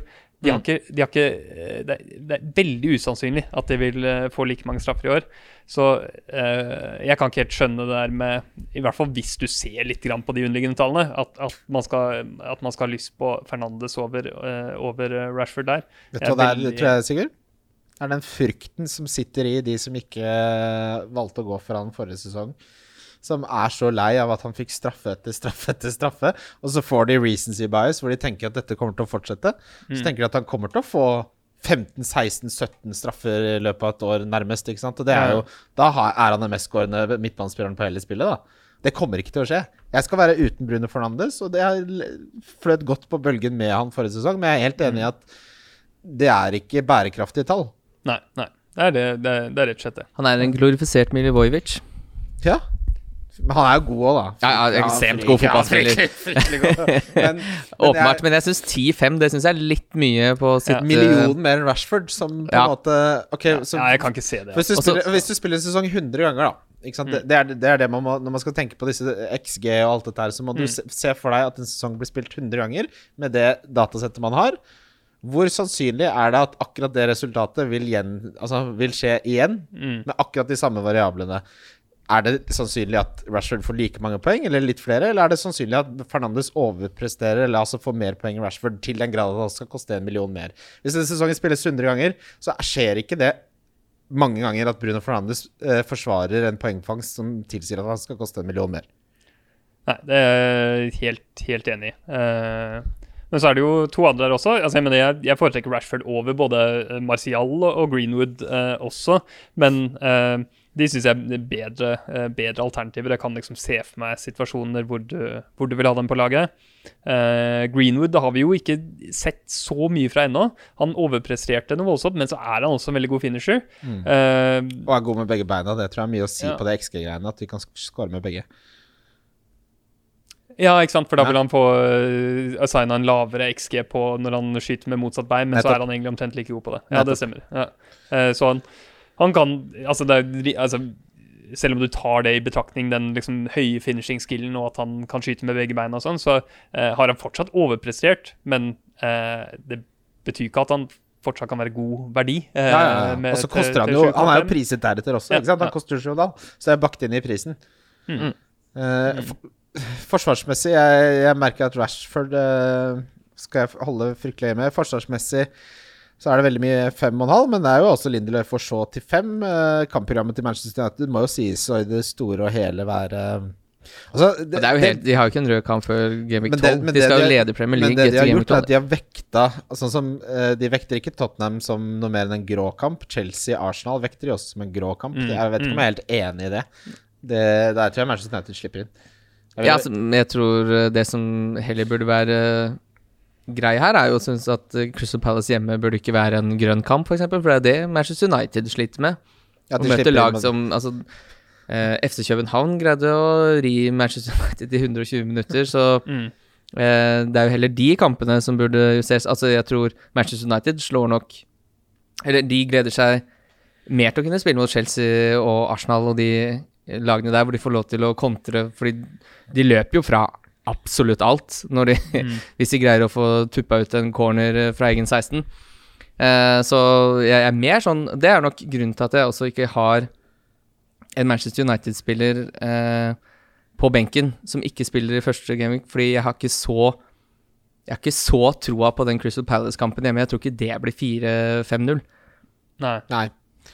Nei, det er, bare, det er bare så fælt med det der kjøret som du vet kommer, med alle, mm. alle United-supporterne som skal, skal, ha inn Ja, for de styrer uh, markedet ja, ja, uh, til, i veldig stor grad, så uh, det spiller på en måte ingen rolle hva jeg syns eh, Og det er litt det samme med Manchester City også. Når de endelige spillerne blir tilgjengelige, så har det ikke så veldig mye å si om jeg ikke syns at den Wolverhampton-kampen er så fristende, hvis eh, majoriteten syns det. Men det er jo da du kan tjene, tjene på de som, alle de som hopper på. ikke sant? At det ikke er så bra som det de tror. Og så, så kan du, kan du eh, tjene poeng på, eh, på å være lurere, rett og slett. Uh, og ja, som sagt, jeg syns, Rashford er veldig god der. Men altså, hvis folk tar inn Bruno for det som ikke er sånn gullkantet program, så ja. Tenk sant? for Da skal jeg være fornøyd. Da skal jeg kjøre på med, med de andre tingene. som jeg har på Pulisic er jo to Ja. millioner i- i banken til å sette inn på BSU. Det er bare litt sånn irriterende at du vet, du vet det der, eh, at det kommer. Og Må du, sitte hver får eneste-. Og, ja. Hver eneste Manchester United-kamp så må du sitte og være redd for den jævla straffa. Mm. Men du kan jo være lur innad i Manchester United, da. Det er det som er så Mm. fint. Rashford har eh, en eierandel på 5, og Fernandes har, Bruno har en eierandel på 25. Ja. Så hvis du da ender opp på eh, Rashford her, så kan det potensielt Ja, være en når du stor da oppside. i tillegg tar hensyn til at prisen du Altså prisforskjellen gjør at du kan styrke laget ditt i andre ledd, så Mm. bør du ha en edge. Eh, Men det kan jo vise Altså, det kan jo hende at Bruno fortsetter der hvor han avslutta forrige sesong, og da sitter man jo litt med skjegg i postkassa, men så er det litt sånn Hvis man skal tro på dette her med modeller og statistisk sannsynlighet og sånn, så kan du ikke forkaste det med en gang Bruno får tre straffer i tre kamper på rad. Du må stå ved det over tid. Hvis ikke Ja. så har det ingen verdi. Og så Det var jo dette han eh, Big Man bak her tok opp, spesielt disse to. De har jo blitt enda bedre eksempler siden han tok det opp. For eh, i, i Manchester City også så har man jo det samme, med Kevin De Bruyne som har en eierandel på 37, og så har du Stirling som har en eierandel på 4,7. Ja. Eh, der også kan du tjene ekstremt mye penger hvis du Eller poeng, mener jeg. Eh, hvis du ender opp med å kjøre Stirling istedenfor Kevin De Bruyne. Ja. Det, er, det er helt vilt, det der, altså. Mm. Den svingen ja, for det, er- for det, er- det er så sinnssykt stor forskjell. Jeg, sy jeg syns de er så close, uh, De Bruyne og Stirling. Ja, vi, vi kommer jo til å snakke om det, men uh, Vi men kommer dit nå, vi. Ja. For nå skal vi snakke om City. Ja, la oss gjøre det. Så bra. Ja. så da kan vi snakke om Stirling og Kevin De Bruyne. Vi begynner her. Ja, de koster jo det samme, selvfølgelig. Kevin De Bruyne hadde sin beste sesong noensinne. Det er jo ingen tvil om at uh, de underliggende tallene så er Kevin De Bruyne den eh, mest kreative spilleren i Premier League. Stirling er på sitt beste en av de mest målfarlige spillerne i Premier League. Mm. Uh, avslutter jo sesongen fryktelig sterkt, Stirling. Det var nok mange som vant ligaene sine pga. han. Han starta og slutta veldig bra. han. Starta og slutta veldig Mm, bra. Han hadde mm. sin beste sesong, eh, ikke totale målpoeng, men i antall mål skåret. Han litt færre målgivende enn han har hatt tidligere. Men det passer jo bra for oss. Vi vil jo ha fem Ja, poeng, ja. ikke tre. Ja, fra midtbanen så er de måla mye mer verdt enn assist, for å si det mildt. Ja, ja, ja. ja. Men det er sant, han, han underpresterte veldig på assist. Altså, han, han, han skulle fått flere. Eh, det skulle han. Jeg eh, åh. Hvem heller du mot her? Jeg har kommet frem til det at jeg kommer til å ha eh, At jeg foretrekker De Bruyne dersom eh, vi har grunn til å tro at han er eh, foran Aguero på straffer. Mm. Eh, altså Det er jeg, jeg, prøvde, jeg har prøvd å regne masse på det her og sånn. eh, holde på sånn. Men eh, det, jeg kom fram på liksom mine utregninger, da. Får du bare stole på at det er, eh, på at det er eh, altså, Vis arbeidet ditt, sa Sverre. Ja. ja, nei, da, da kom jeg fram til liksom Ja, hvis eh, eh, Hvis eh, det Brøne ender opp med å få Hva var det, sånn 4, 4, et eller annet straffer, eh, så har han omtrent identisk forventet verdi med, med Sterling. Eh, og da er det bare det Altså, de utslagene du får på liksom om du, om du skrur opp forventede straffer, så vil han være bedre. Hvis du skrur den ned, så vil han være dårligere. Og, og det avhenger uh, mye av om han er uh, foran Aguero på, på, uh, på straffer Ja. eller ikke. Så Jeg tror ikke det. jeg syns det er såpass Jeg tror heller ikke han er foran det? Aguero på straffer. Altså, Men det beste vi må jo også- Den Messi-overgangen er jo det som på en måte henger over oss som en Ja, tung sky her. Eh, hvis Hvis det skal være noe hold i disse ryktene, da, så, lukt, så er jo Barcelona veldig interessert i Gabriel Jesus. Måtte jo være noe av det, Tenk det, altså, det er er det det? verste hestehandelen jeg har hørt. Dere får Jesus, vi tar Messi. Da hadde jeg ringt politiet med en gang. Det er noen det som prøver å lure meg. det hadde vært en perfekt eh, overgang eh, for oss. Ja, fy fader. Eh, fordi da blir det jo Stirling som spiller spiss eh, når Aguero er skatta. Ja, det er han jo tre-fire ganger i året. Eh, men altså det Messi-spørsmålet er litt sånn Det som siste analysen jeg så, var at Eh, altså Messi mener jo at han er kontraktsløs og klubbløs. Det mener selvfølgelig ikke Barcelona. Og det er jo da en disputt om når sesongen slutta, som er kilden til uh, hele denne debatten. Uh, det som de kan gjøre, hvis han da får en såkalt Fordi altså, han kan få, be Fifa om å eh, kreve en overgang, sånn at, men da blir det et sivilrettslig søksmål som kan gjøre at Manchester City bl.a. vil holde seg unna, for da er det en masse andre variabler som spiller inn. Så selv om han på en måte påstår at han er klubbløs, og Fifa er enig i det, så betyr ikke det nødvendigvis sånn at han bare går til City. Så det kan være noe som drar ut. Eller så kan det jo hende at eh, de eh, Nå så jeg faren til Messi skulle til Barcelona nå for å ha en prat med denne presidenten. At de klarer å komme til en løsning hvor ingen taper ansikt. Og det er det beste utfallet vi kan uh, for Barcelona. Altså, det her er ferdig. Jeg leste Sidlov sin artikkel om at måten uh, Messi markerte til Barcelona på at han var ferdig på. Vet du hvordan han gjorde det? Nei. Sendte en registrert faks. Ja, sånn der eh, butofax eller hva Ja, det er sånn faks hvor du får bekreftelse på at den er mottatt av den andre parten. Det Ja, sånn- det er vel det samme som sånn rekommandert brev i Norge. Ja, ja. eh, og da, for å si det sånn, hvis du sender Hvis jeg sender til min samboer nå en faks på at det er slutt, da er det ikke noe vei tilbake. Eh, så det, det forholdet er jo forsura beyond repair. Men så er det bare spørsmålet Ok, kommer han inn til City, eller kommer han ikke inn til City? Det jeg tror vi må gjøre nå, som er mest formålstjenlig, så får, heller, får vi heller lage en ekstraepisode hvis, uh, hvis det viser seg at han går til City. At vi må nesten bare forholde oss til de spillerne som City har nå. Ja. Kan jeg bare spørre Sigurd hva han tror han kommer til å koste? Åh, eh, så er det, det er Et spørsmål er hva han kommer til å koste, og så er det et annet spørsmål hva han burde koste. Jeg vil gjerne svare på begge deler. Eh, og jeg, jeg, jeg tror at hvis Messi kommer inn, så tror jeg de kommer til å prise han til 13,5. Eh, Det er for- og så liksom, det er det jeg ville tippa hvis, jeg- hvis jeg skulle tippa. Og jeg tror det er for lavt, sånn som, sånn som Messi holder på. Uh, Tror du det er for lavt? Ja, Ja. for der, der er Jeg Kim veldig uenig med alle mine bekjentskaper som bare Å, spill kommer til å bli ødelagt. Og så sa jeg ok. Fordi mitt resonnement er at hvis du tar det Salah kosta den sesongen han satt rekord, Mm. så legger du på 20% på det. Det er det han burde koste. Det er mitt resonnement. Hvorfor skal du legge på 20 Messi, Fordi, fordi den forventningen om at det er verdens beste spiller Jo, men han hadde, han hadde nå 25 mål og 21 assist. Eh, 25 mål, det gir 125 poeng. Eh, 21 assist, det gir han bare 63 poeng. Det gir han 186 poeng på 46 målpoeng, som han da, eller da har fått i Barcelona. Salah fikk 32 mål, som er 160 poeng.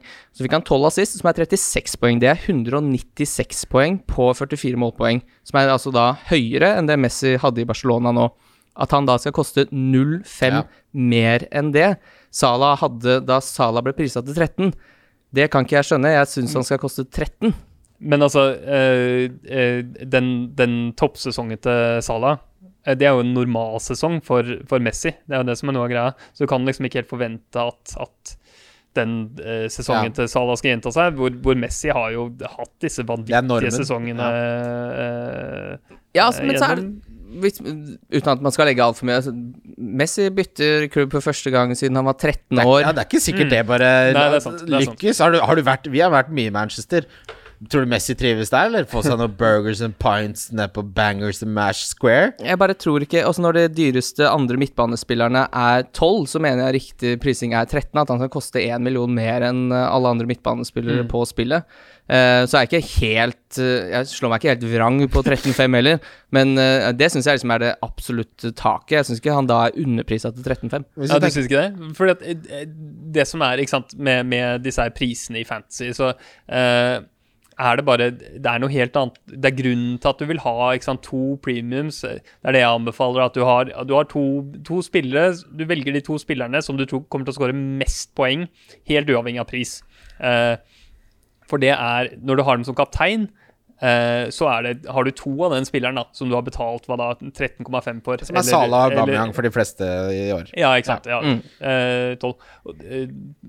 Og, det er altså eh, Det gjør at det du betaler ekstra der, bare har så mye mindre å si. Når du, når du, da vil du bare ha det beste, liksom. Eh, det, er den, det er den mest fornuftige, fornuftige bruken av, av pengene dine, når du kan få det eh, Maksimere verdien på en, på en, på en spiller som du, eh, som du skal ha to av i laget ditt. Eh, som det i praksis blir med en kaptein. Så ja, altså, jeg, tror er, jeg tror det er lite sånn som en, en jevn sesong for Messi.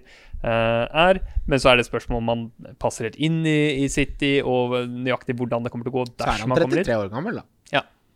Mm. Altså det er For én sesong, men 33 det er, ja, Nei, jeg vet. Men det, vi skulle jo egentlig ikke snakke så jævlig mye om Messi. men Det var bra vi fikk Men det gjort er jo interessant. Ja, ja. Eh, Det er Men klart altså- det er interessant, det er ingen tvil om det. Eh, Og hvis han kommer inn, så må vi lage ekstraepisode. Det er det ingen tvil om. Da er det bare rett på jobb, Kim. Og det ene du kan gjøre, er jo å holde på wildcardet ditt, da. Eh, for, for å få ham inn dersom han kommer inn eh, etter at sesongen har begynt. Eh, Ja. Det er jo Men jeg er litt usikker på hvordan det greiene der funker, for jeg tror det i utgangspunktet så stenger eh, Jeg lurer på om det er et forlenga vindu for, eh, Britiske for klubber. britiske klubber. Så jeg Sånn har det alltid vært før. Men jeg vet ikke helt hvordan den er i år. Om det er åpent for å hente fra hele verden da frem til 5. oktober. mm.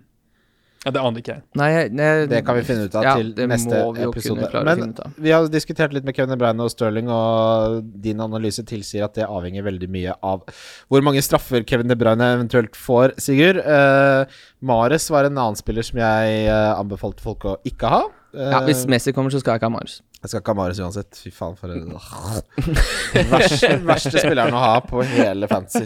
Men han har jo en fantastisk pris. Da. De har virkelig greid å liksom Det er litt sånn uh, pølse under nesa på det her, for det er sånn Pølse under nesa. Ja, det lukter- er det, det er et eller alle herrens Ja, de prøver å friste Er det et turtrikk? Ja, det er jo De prøver å friste oss her. Pølse under nesa, er det det samme som Ja, men en altså, gulrot i speilet? Altså, han spilte bare 190, eller 1934 minutter i fjor, men det er 11 mål og eh, 14 assist. Han er jo helt sinnssyke Den tall. dagen, hadde, den dagen jeg hadde våkna med at noen hadde lagt en pølse under nesa mi, Ja, da våkner du, da. da hadde jeg følt meg Å, som, en, herregud, jeg hadde følt meg som en hund. Våkne og så glefsetter en Ja, sånn jalapeño popper. Skal jo bruke på hund, ja. Det er jo hundetriks. Ja, nei, jeg er jo Nei, men det er jo det, er- det er samme Marius. Han er jo Altså, når han er på banen, så, så er han helt vanvittig, men, eh, men du må bare Ja, det er, det er veldig upålitelig de minuttene han får. Da Det må det du ha som liksom er- jeg kan, jeg Du kan ta høyde for det på en eller annen måte. Ha en sånn lagstruktur hvor du har en, har en, eh, ja, har en god første sub eller noe sånt. eh, Men der er sånn, hele men- poenget, Sigurd. Skal jeg konstruere hele mitt ja. fantasy-lag for å på en måte tilpasse meg når Mare spiller og ikke spiller? Nei, for det er liksom, Brenn sånn- i helvete! Ja, for det er den, den pepruletten er ikke så ekstrem som alle skal ha det til, men hvis du vil at den skal være det, da henter du Marius. Ja, da kan du du da får du, da får du være med på Børjan Blå av ruletten. Da er det huslånet på rødt annenhver helg. Uh, Jesus er jo Jeg føler litt det samme om han. Jeg kom, har aldri hatt han. Vil aldri ha han. Jeg er vel kanskje ha, Å, så dårlig avslutter han her. Ja, det er det. Eh, underpresterer noe så fryktelig! Hvis han hadde scora så mange mål som han burde, så hadde han jo kosta mer enn Aguero, men det gjør han selvfølgelig ikke. Eh, så Jesus er en sånn situasjonell spiller som bare er aktuell når Aguero er skada. Kan vi være enige om det? Ja, ja, ja. Mm. Aguero er Til gjengjeld er han har du, Er det veldig bra å ha ham da. Ja, ja, ja, Men, men, eh, men ja. ja man, Noen ting må man stå for her i livet. Men Aguero er prisa til 10,5. Så lite har han nærmest aldri vært prisa til. Han har jo vært skadeutsatt. Det er eh, Det er jo par for the course eh, med Aguero. Sånn er det bare. Eh, Jeg tror nok dette begynner å nærme seg hans siste sesong, kanskje, i City. Ja, det kan jo kanskje Ja, jeg tror det. Men Fort. fram til da, hvis han er på straffer, og han koster 10,5, og han har en eierandel på 4,4% Så det som er problemet her, er at sånn som prissettingen har vært på denne utgaven av Fantasy, så er det fryktelig vanskelig å få plass til både Timo Werner som man ønsker, den midtbanen som man ønsker, og Aguero. Da må man gjøre noen innrømmelser på et eller annet eh, sted. Mm. Da må man liksom Da må man droppe Son og uh, Pulisic da, og gå for to seks millioner spillere eller et eller annet sånt. Og selv det er vel ikke helt nok, strengt tatt, sånn som jeg har strukturert laget. Så han er en veldig vanskelig spiller å få plass til, og folk kommer jo til med rette til å prioritere De Bruyne eller Stirling inn. Men si at Aguero starter med en sånn uh, tre-firemålskamp som han jo fryktelig eh, har i beina. Jeg tror kanskje ikke det kommer mot Wolverhampton nødvendigvis, men det kan komme mot Leeds. Og det kan komme mot Arsenal, og det kan komme mot Westham i henholdsvis runde fire, fem og seks. Det kan komme eh, hjem mot Leeds òg. Nei, Leicester, mener jeg. Ja, det kan komme hjemme mot Leicester også, ikke sant? Mm. Da, da, blir, da vet jeg jo Man at kan, ja, det, det, er jo veldig, det er jo veldig fristende. Men altså, ikke, for meg er det veldig enkelt med de to på topp, egentlig. Jeg, jeg, jeg kommer ikke til å ha noen av dem. Med mindre, eh, med mindre den andre er skada, eller at det er et eller annet sånn ekstremt klart mønster som, som eh, viser seg over, over si en Vi er Eller litt hy- sju ja. periode eller noe sånt. Jeg er litt hykler, da, fordi jeg liksom hater Mares fordi det er så usikkert, og så skal jeg rett på Aguero. Så bare det er jo akkurat samme problematikken. Uh, men ja, jeg, altså den fornuftige tilnærmingen er det du sier, Sigurd, som vanlig. Men uh, på forsvarsplass totalt uinteressert i noe som helst. Jeg, noe, jeg skal ikke ha Laporte i seks, det skal jeg vitterlig ikke ha. Men de var jo det som gjorde at jeg tapte mot Kim. Og han kom Hitta inn eh, han du Ja, du hadde tapt uansett, men Nei, det hadde jeg, du hadde tapt med ett poeng. Jeg hadde ikke tapt uansett. Eh, Walker til seks, det er altfor dyrt. Vi vet ikke om Ake kommer til å være fast. Jeg tror han kommer til å roteres. eh, Jeg tror han kommer til å være Laporte, også hvem han bestemmer seg for på den dagen. Ja, ja. Ellers, ellers kunne Ake vært interessant. Han er god på, god på dødballer og sånn. Men han er jo den nummer to som kommer til å få mest spilletid, tror jeg. Ganske Ja. overlegent òg. Han, liker jo- han liker jo ikke Stones, han liker jo Cotamendi. Ja, Eh, Han, han, men han liker Cancelo, da. Eh, Ja. Det gjør han. han. Han begynte å spille Cancelo mer og mer, og til og med bort på, bort på venstrebekken der. Eh, Han likte jo Garcia også, men han nekter å underskrive ny kontrakt. ja, han blir vel en del av den eventuelle Messi-overgangen, tror jeg. Ja, ja, ikke sant. Ja, for Garcia vil hjem til Spania, skjønner jeg godt. Eh, ja, men det er altså objektivt Men de har ikke noen andre keeper, da? Er det Scott Carson som er andre keeper nå? For Bravo er jo i Real Betis. Scott Carson. Ja, det tror jeg det er. Er, Scott Carson. er det Scott Carson som er den ultimate Altså, i den beste rollen i det beste yrket i hele verden, altså å være tredje keeper på en topp fire-klubb, er, det Scott- han sitter er det Scott Carson? Han sitter Nå må de hente ny spiller! Han skal ikke være andrekeeper, han blir livredd. Uh, ja, nei, han var jo på lån fra Derby. Uh, nei, han er nok ikke der. Da må de jo få seg en keeper, da. Ja, Fy faen, nå Det er Ja. Tenk deg det er drømmerolla, å være tredjekeeper i City. Ja, da skal du Da er det det er hummer til middag hver dag, ass. Jeg tror det er mange lykkelige tredjekeepere der ute. Ja, det er det, det, er det, hvis, det er jo akkurat som når du, Hvis du er i et stort nok selskap, og så jobber du med noe obskurt, så ingen kan måle deg på hva du egentlig gjør, så du dukker opp på jobb Du snakker om å jobbe i NRK. Så dukker du opp på jobb hver dag, og det er god kantine, og så drar du hjem, og så får du kvartalsrapport, så er sjefen din sånn Ja, så det er sikkert bra, det her. Det er sånn er det å være tredjekeeper. Ja, jeg er helt enig. Tredjekeeper virker veldig veldig ålreit. Liverpool er siste lag vi skal ta for oss. Dette ble jo en sånn episode som jeg liker, da. Ja. Lang og god og saftig. Ja, men det skal være mye informasjon før spillet starter. Det er helt åpenbart, det. Så skal vi snakke om Liverpool, og der kjenner jeg at uh... De kommer jo ikke til å gjøre det så bra som i fjor. De kommer ikke til å ende på 99 poeng. Eh, og de lagene Det var som eh, Mats eh, Arntzen tok opp i forrige podkast, at du kommer ikke på tredjeplass i år heller med 66 poeng. Så Nei. eh, fordi lagene lagene under kommer jo til å få eh, De kommer til å bli bedre. Eh, Liverpool kommer til å tape flere poeng. Jeg tror eh, Jeg har ikke noe tro på at Liverpool vinner ligaen i år. Jeg er ganske sikker på at det blir sikkert. Tror du eh, City vinner? Ja, det er Eller er Chelsea? med- Tenk Chelsea vinner. Eh, ja, nei, jeg, jeg, jeg har ikke noe tro på Liverpool. Jeg tror de kommer på, kom på andreplass, men eh, jeg tror City vinner. Og så er det litt sånn åpent. Det er veldig vanskelig å spå hva som skjer med Arsenal. Jeg syns det er vanskelig å si eh, Altså, stabilitet er jo ikke det Solskjær har stått for uh, verken i Molde eller i Manchester United. Eh, så ja, man snur jo skuta alltid en gang per sesong. Så det blir litt spennende å se hvordan det der eh, blir. Eh, Chelsea, kjempespennende. Umulig å si. Mourinho i Spurs kan også bli veldig bra. Altså, jeg tror ikke noe på det der at eh, eh, Mourinho er liksom helt avskilta som Nei, nei. trener. eh, jeg Jeg tror det blir en bra sesong for Spurs, jeg. ja, ikke, jeg tror ikke de skal opp der og kjempe om noe liga. Nei, nei. Men eh, den topp fire Vanskelig å si. Men, jeg, Mm. eh, men Liverpool er fortsatt ekstremt god. Det er masse verdi i det laget her. Eh, den man først hadde på laget, i hvert fall jeg, og som jeg har sett på Twitter også, virker som er litt konsensus om at eh, Trent skal rett inn. Ja, det er Han er jo så Jeg syns han er så ekstrem verdi til 7,5 at det, han er den Altså, vi kommer tilbake til en som spurte Nevn tre set and forget-spillere i år. Han er uh, nummer én for meg. Så håper jeg kanskje at du har noe innsikt som kan motbevise det. Men til 7,5 med det han har prestert, så slår det meg som fryktelig åpenbart at han er uh, nummer én på hva, hva man kaller det, laget. Ja, ja. Nei, Ja. jeg, jeg syns også Trent er helt, helt åpenbar. Eh, det, er ikke noe, det er ikke noe vits i å ikke ha ham, liksom. Det, det er ikke noe vits i å være Hva er det man prøver på da? Hva er det man, skal, hva er det man prøver å få til hvis man skal unngå Trent? Nei, ikke Så sant. spare de pengene og bruke det for Han å har altså, Altså er han ingen altså, Han er så Han er så nailed on som det er mulig å få. Han tar dødballer. Han, tar, han er en av verdens beste forsvarsspillere på dødballer. Han er en av verdens mest kreative backer. Mm. Altså Ja, altså På et tidspunkt så kan han jo fint begynne å spille midtbanespiller. Ja. Det kan godt hende han gjør det fra Ja, han er 26 og ut. Han kosta liksom 8,5. Han er underprisa så det ljomer. Ja, jeg er enig. Jeg syns Han kommer jeg ikke til å bytte ut. Vis meg en forsvarsspiller Nei, en midtbanespiller som får 210 poeng, og som koster 7,5, da.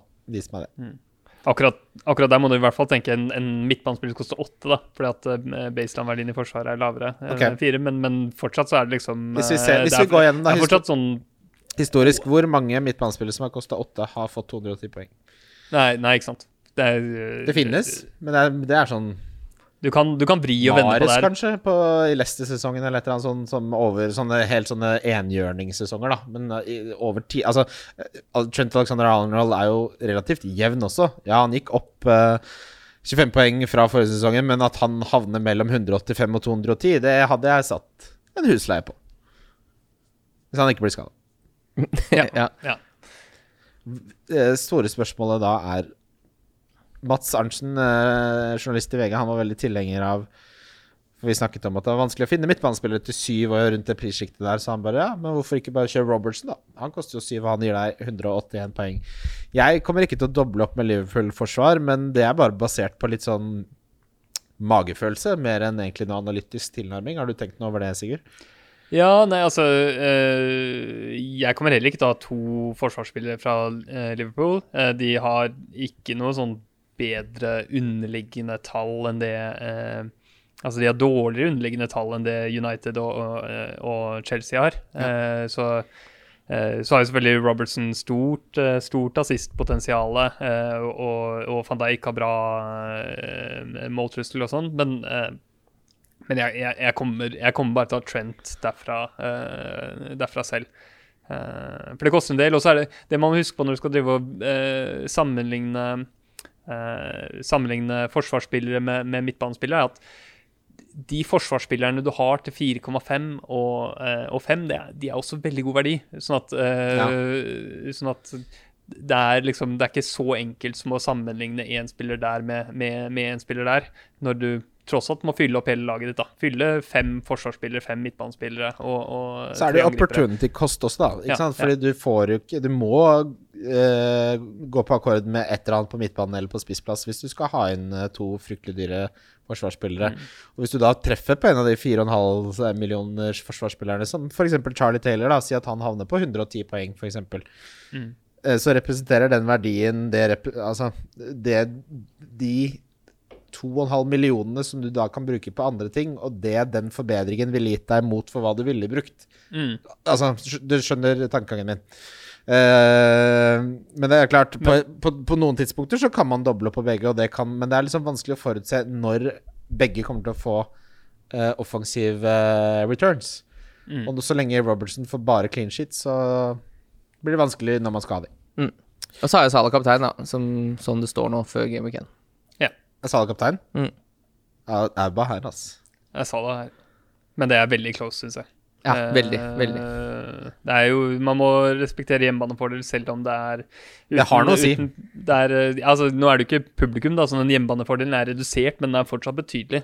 Så selv om uh, forventer at Leeds har eh, mye bedre forsvar enn det Fulham har, eh, så, så og er det det at Salah er hakket mer pålitelig enn Aubameyang, og det er hjemmebanefordel som gjør at jeg lener mot, mot Salah. Men, eh, men det, er, det er close call. Kan godt hende jeg begynner litt konservativt der. Det er kjedelig hvis Salah får en sånn Salah-kamp.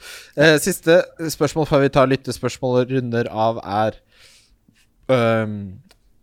Er det en diskusjon om man skal ha Salah eller Mané?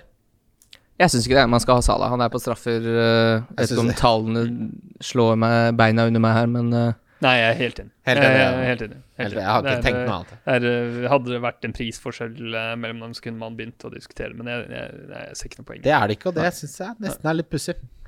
da tar vi lyttespørsmål. Det gjør vi. Lyttespørsmål. Lyttespørsmål. Og da har vi kommet til uh, den forsvunne sønn. Uh, Kim, denne mannen kjenner du godt. Det gjør ikke du, Sigurd. Eh, heldigvis for deg. Leonardo Adrian Gambolini. Hei, Gambo! Hvis han spør Uh, Med tanke på alle overgangene, hvem blir årets hit? Uh, ja, det er jo litt tidlig å si, men, uh, men Timo Werner stikk, stikker seg ut som den store uh, signeringa så langt, syns jeg. Jeg, jeg, jeg svarer det samme, jeg. Ja. Timo Werner. Joakim Ingebrigtsen spør Beste formasjon? Det, det er et sånt spørsmål som viser meg at du ikke har spilt så mye fancy. Ja, det, er, det er jeg ikke enig i. Jeg syns det er vanskelig den sesongen her, med så mye Men det, kom, det, altså, du, kan, det har jo ikke et blanket-svar til Det kommer jo helt an på nå, vil jeg si kanskje den beste er 3-5-2. Og så vil jeg si litt senere i sesongen at den beste er 3-4-3. Det, kommer, det svinger jo veldig i løpet av hele sesongen. Jeg syns det har vært veldig vanskelig denne sesongen å finne gode 3-5-2-lag selv. Bare fordi at jeg, jeg syns ikke de liksom, billige midtbanespillerne er så hete. Da liker jeg bedre de, de spissene som er Men rundt, det er jo eh, fordelen med 3-5-2. At Jeg skal ikke ha noen billige midtbanespillere. Jeg skal ha bare dyre, og én mellomdyr. Hvem er det du skal på topp, da? Hæ? Hva, hvordan ser et sånt lag ut? Du skal få høre på det.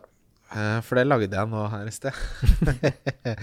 ok, så laget består da av uh, Trent, Vinagre og Dessverre så har jeg fire forsvarsspillere til fire millioner. Jeg har det. Ja, ikke sant, for da kan vi allerede kaste det på og så har vi. Pul- Pulisic, Abamia Så du har én sikker, en litt sånn usikker vinagre, og så har du resten som du bare håper skal spille. Dette er det verste laget jeg har hørt. Nei, nei, det er et fantastisk lag. Og hvis Bruce spiller, så er jeg le hele veien til banken. Og så er jeg Werner Antonio på toppen. Salah, Son, Sant Maxime, Aubameyang og Pulisic. Tenk at du må ha Sant Maxime inn på det røret der når du ikke har spillende forsvar. Han er jo fryktelig god i fotball. Jeg Ja, kan ha det er Sortsjekk, da. Så kan jeg opp, hvis jeg har Sortsjekk, så kan jeg oppgradere Brathwaite til Charlie Taylor. Så er jeg jo i business. Brathwaite skal ikke spille. Nei, jeg vet jo det, men det er derfor jeg oppgraderer han til Charlie Taylor. Nei da, men eh, Altså, du skal svare på, svare på spørsmålet hans, da, så, eh, så, så tror jeg som deg at det ikke er noe sånn Dette er formasjon. At du skal liksom tenke på, på formasjon før du tenker på hvilke spillere du har lyst til å fylle laget ditt med. Du skal fylle inn med spillere du vil ha, og så skal du, du se liksom Å ja, kanskje hvis jeg heller spiller fire bak, så, så, så blir det bare bedre. Og, og så, men da må du sammenligne på bestemte spillevalg, da. Da skal du ikke sitte og liksom tenke ah, nei, 4-4-2 er det ideelle. Eh, Ja. og da, eh, her, må her må på en måte formasjonen må følge Hvilke fem spillere er det du liker best? Velg de, Mm. og så må du se hva som blir den naturlige formasjonen som en konsekvens av det. Så bare sånn generelt anbefale mot å, å laste opp liksom og ha eh, fem premiumforsvarere, at da blir det veldig vanskelig å flytte seg bort fra, Da må du fra det. da. Eh, Ja, ikke sant. Ja. Eh, hvordan takler man faren for økt rotasjon i årets sesong, er eh, også et spørsmål Joakim stiller. Eh, min første reaksjon er bare at du, eh, som du alltid bør eh, ha De spillerne du har, bør være spillere som stort sett spill, starter og spiller 90. Så bør du ikke blåse av wildcards på planlagte taktikkeri, men heller eh, spare det til sånn situasjon Altså store situasjoner som oppstår, om det er dobler eller avlysninger eller covid-19-situasjoner. Eh, vi så jo i baseball så var det jo et lag som bare fikk det helt, fordi de var sånn Vi skal ikke la oss hindre av covid-19, så bare Nei, da ble 25 mennesker smitta på ett døgn. Uh, og hvis, hvis du tenker Manchester United, f.eks., med Solskjær der, kan det skje, det. Alt kan skje. Det siste spørsmålet Joakim Ingebrigtsen spør, er hva må man ha i kjøleskapet for å være klar til Game Week 1? Jeg ser du drikker økologisk eh, vann her, Sigurd. ja eh, Ringnes økologisk ufiltrert pils. Eh, Er det, er det et moralsk eh, Nei, beslutning? Nei, det er, ikke, det er ikke det. Altså. Det er ikke det, fordi at jeg eh, Altså, jeg jobba i, jobba i Vinmonopolet i, i ganske mange år, og er litt sånn eh, øl- og vinnerd. Og du kan anbefale en kjempestreng pinot noir, Sigurd. Jeg kan det. Jeg kan det. Jeg er glad i pinot. Ja, det er det eneste jeg Jeg er kjøper. Ja. Eh, men nei, men jeg var, jeg var superskeptisk til det der, eh, dette ølet fra Ringnes. da. Uh, eh, for jeg tenkte liksom her var veldig mye gimmick, at det skulle både være økologisk og ufiltrert. Men så smakte jeg det, og da, som regel hvis jeg liksom går inn med noe med stor skepsis, så pleier det ikke å liksom, Da pleier det å smake dårligere, men jeg, var- jeg syns det var kjempegodt. Og det er liksom min go to butikkpils i, i Norge. Så Så, svaret så ditt det mitt er er eh, eh, det. det. det er økologisk å ufiltrert Ringnes. Ja. Eh, Kim, Hva er det jeg har i kjøleskapet? Det er jo pils, da. til Game Weekend? Ja, altså Maten ligger jo i fryseren. Det er pepperoni grandiosa. jeg har ikke lagt den opp i kjøleskapet. Nei, men hvis man skulle gått litt uh, jeg, jeg er veldig glad i amerikanske pinot noirer nå, spesielt. Kjøp en Klein, det koster 199 eller 210 nå. Fryktelig bløt og nydelig pinot noir. Setter seg rett. Så kjøper du et Riedel-glass med litt sånn heft som passer til pinot noir, og så har du det gående. Det er deilig å drikke vin, for da slipper du å drikke så mye. Knut Sørheim Nei, det, ja, det har vi svart på. Eh, Kan Bruno erstattes på FBL av Rashford eller til og med Greenwood? Det er vel ikke mulig å komme utenom minst én offensiv spiller fra United? Det har vi jo svart på. Ja. Rashford. Ja, og jeg syns heller ikke det er noe must å ha en, eh, en United-angriper. de overpresterte generelt på, på tampen av sesongen i fjor. Med, eh, altså Siden Bruno kom inn, så har de eh, overprestert XG-en sin med 38% og det er eh, Det er ikke holdbart, den, den eh, raten der. Eh, Nei. Så kan det selvfølgelig underliggende tallene også bli bedre, men, men det er ikke sånn det er ikke sånn at jeg tenker at det er, det er et sånn ustoppelig, ustanselig tog, det her eh, United-angrepet. At du virkelig må ha en spiller herfra. Men jeg syns ja, at, at Rashford er den beste eh, der selv. Jeg er helt enig. Benjamin Sars spør Hva er det mest provoserende dere ser folk gjøre i parker, bybildet generelt? Det er jo da altså en barndomskompis av deg har skjønt, fra Nesodden, det beste stedet Det i er. Norge. Ja, det er, det er veldig hyggelig. Jeg og, jeg og Benjamin vokste opp nede på Helvik eh, fram til han flytta derfra. Eh, Hva er det Benjamin det Sars jobber med, liksom? Det vet jeg ikke. Jeg, jeg, jeg tror han jobba som lærer Snakka dere ikke om dette i sandkassa? Vi gjorde ikke det. Ja, det skulle bli. Altså, Han er, bra, han er brannmann. Han er enten brannmann, politi eller Men det er så gøy, for han har bokstavelig talt stilt spørsmål til oss i tre år, så jeg føler Men han liksom gjør det med. Han er jo helt rå på å stille Ja, spørsmål. han Jeg kan kan ikke, jeg kan ikke sette på en sportspodkast som er sendt fra Norge uten at Benjamin sitt navn kommer opp. Nei. Men det er jo hyggelig å lure på. Liksom, jeg kunne sett for meg at han var sånn støttekontakt til miljøarbeidere eller noe. Sitter han på pauserommet og flekker opp noe Fifa-18 og sender inn noen spørsmål. Men jeg, jeg vet ikke jeg vet ikke hva Benjamin driver med nå. Eh, Men hva, men hva, hva syns vi er det mest irriterende hva, Altså hva folk gjør i parker? Jeg syns folk som går på line, da får jeg gå, lyst til å gå bort og spenne bein. Ja, Det Du er ikke noe glad i slak line? Slakk, nei, den linja skal være stram. Det kan jeg respektere. Ja. slakk line? Kan bare rett og slett sette opp et stag Ja. og stå på det. Ja, men han, som han som gikk mellom disse skyskraperne med den der lange stanga, Man, uh, Man on Air, eller hva det het, den dokumentaren. Det kan jeg I respektere. walk the line. Walk the, ja, nei, det er jo Men den heter jo noe lignende. Jeg bare Jo, husker hva den heter jo heter. Man Online eller et eller annet. Ja, men slakk line blir litt sånn Har du lært det der på Bali, eller marihuana-gutten? Men da blir du litt sånn estetisk provosert. Tenker at det Både skal, det skal ikke, det, det, det skal du ikke Sånn skal du ikke holde på med, liksom. Hvis du skal drive med slakk line, så skal du kunne ta triks på den. Ja, Da ja. må du ta backflip og liksom kunne hoppe og sånn. Det skal- Den heter Man on Wire. Jeg anbefaler alle. Man on Wire, ja. ja. Alle burde se den. Den er dritbra. Det respekterer jeg. Mm. Man on wire? Ja, ja, ja. Men det driver ikke folk med i parken. Nei, det, det skjønner jeg ikke var vanskelig. Du kan ikke feste den i hvert sitt eiketrær i Sofiemarken og så gå med en stag over begge to. Men en slakk line er jo liksom Har du funnet noe tau som i stedet Nei, nå skal jeg roe meg litt ned her. Men det, det blir litt voldsomt uh, for meg med Jeg jeg syns I, i bybelsen syns jeg det er utrolig irriterende med Altså, jeg liker uh, at uh, Oslo har blitt en sykkelby. Jeg syns det skal være sykler overalt. Men problemet mitt er jo folka som sitter på disse syklene. For jeg syns det er utrolig irriterende med de som sykler sånn hybrid. At de er eh, fotgjenger når det passer seg, når det er rødt lys. Da bare opp på fortauet, og så er det ned igjen og kjøre midt i Det er helt umulig å forholde seg til de menneskene her. Mm. Eh, og det er jo en grunn til at eh, bilister hater syklister. Det er jo de syklistene som er problemet. ja, ja. Uh, og det syns jeg er Og så syns jeg heller uh, ikke de det, det er Enten du har kjøpt sånn elsparkesykkel, eller sykler, eller går. Nei, gå, da kan du faktisk gjøre det, syns jeg. Men den derre sykling på rødt lys syns jeg folk skal slutte med. Jeg syns det er en utrolig uting. Når man er ute og sykler, hvis du har en bysykkel f.eks., så stopper du så på rødt lys, så bare kommer det folk susende forbi på høyresida fordi bare Nei, jeg sykler, jeg. Nei, det syns jeg de burde settes i fengsel. Ja, jeg syns de burde sitte i fengsel i fem timer. Ok, Gaute. Jeg, kan, kan jeg bare si Ja. Jeg, jeg syns det, det mest irriterende Altså, elsparkesyklene er, er det fryktelig mye av, og det er utrolig irriterende når de ligger slengt liksom over, over fortauet, eh, eller bare stilt på helt sånn idiotiske plasser. Men det mest irriterende som jeg har opplevd noen ganger, er liksom å gå på fortauet sånn, i sånn trange områder med mange som går, og så kommer det noen bak og driver og tuter med den der Ja, elsparkesykkelen. er liksom Kom deg ut i veien, da! Ja, ja, det- Kom deg ut i Da får veien! du faen meg Ja, finne er alternativ rute. Du tuter ikke! Hvis du tuter med en sparkesykkel Altså, jeg kjører mye sparkesykkel. Jeg ankommer med en sparkesykkel. Dette Men du vet- kjører på fortauet, for det jeg har jeg sett flere ganger. Det er klart jeg kjører på fortauet, men ikke faen Du skal meg ut i Ja, men det er klart jeg ikke tuter på noen! Tror du jeg er helt psycho?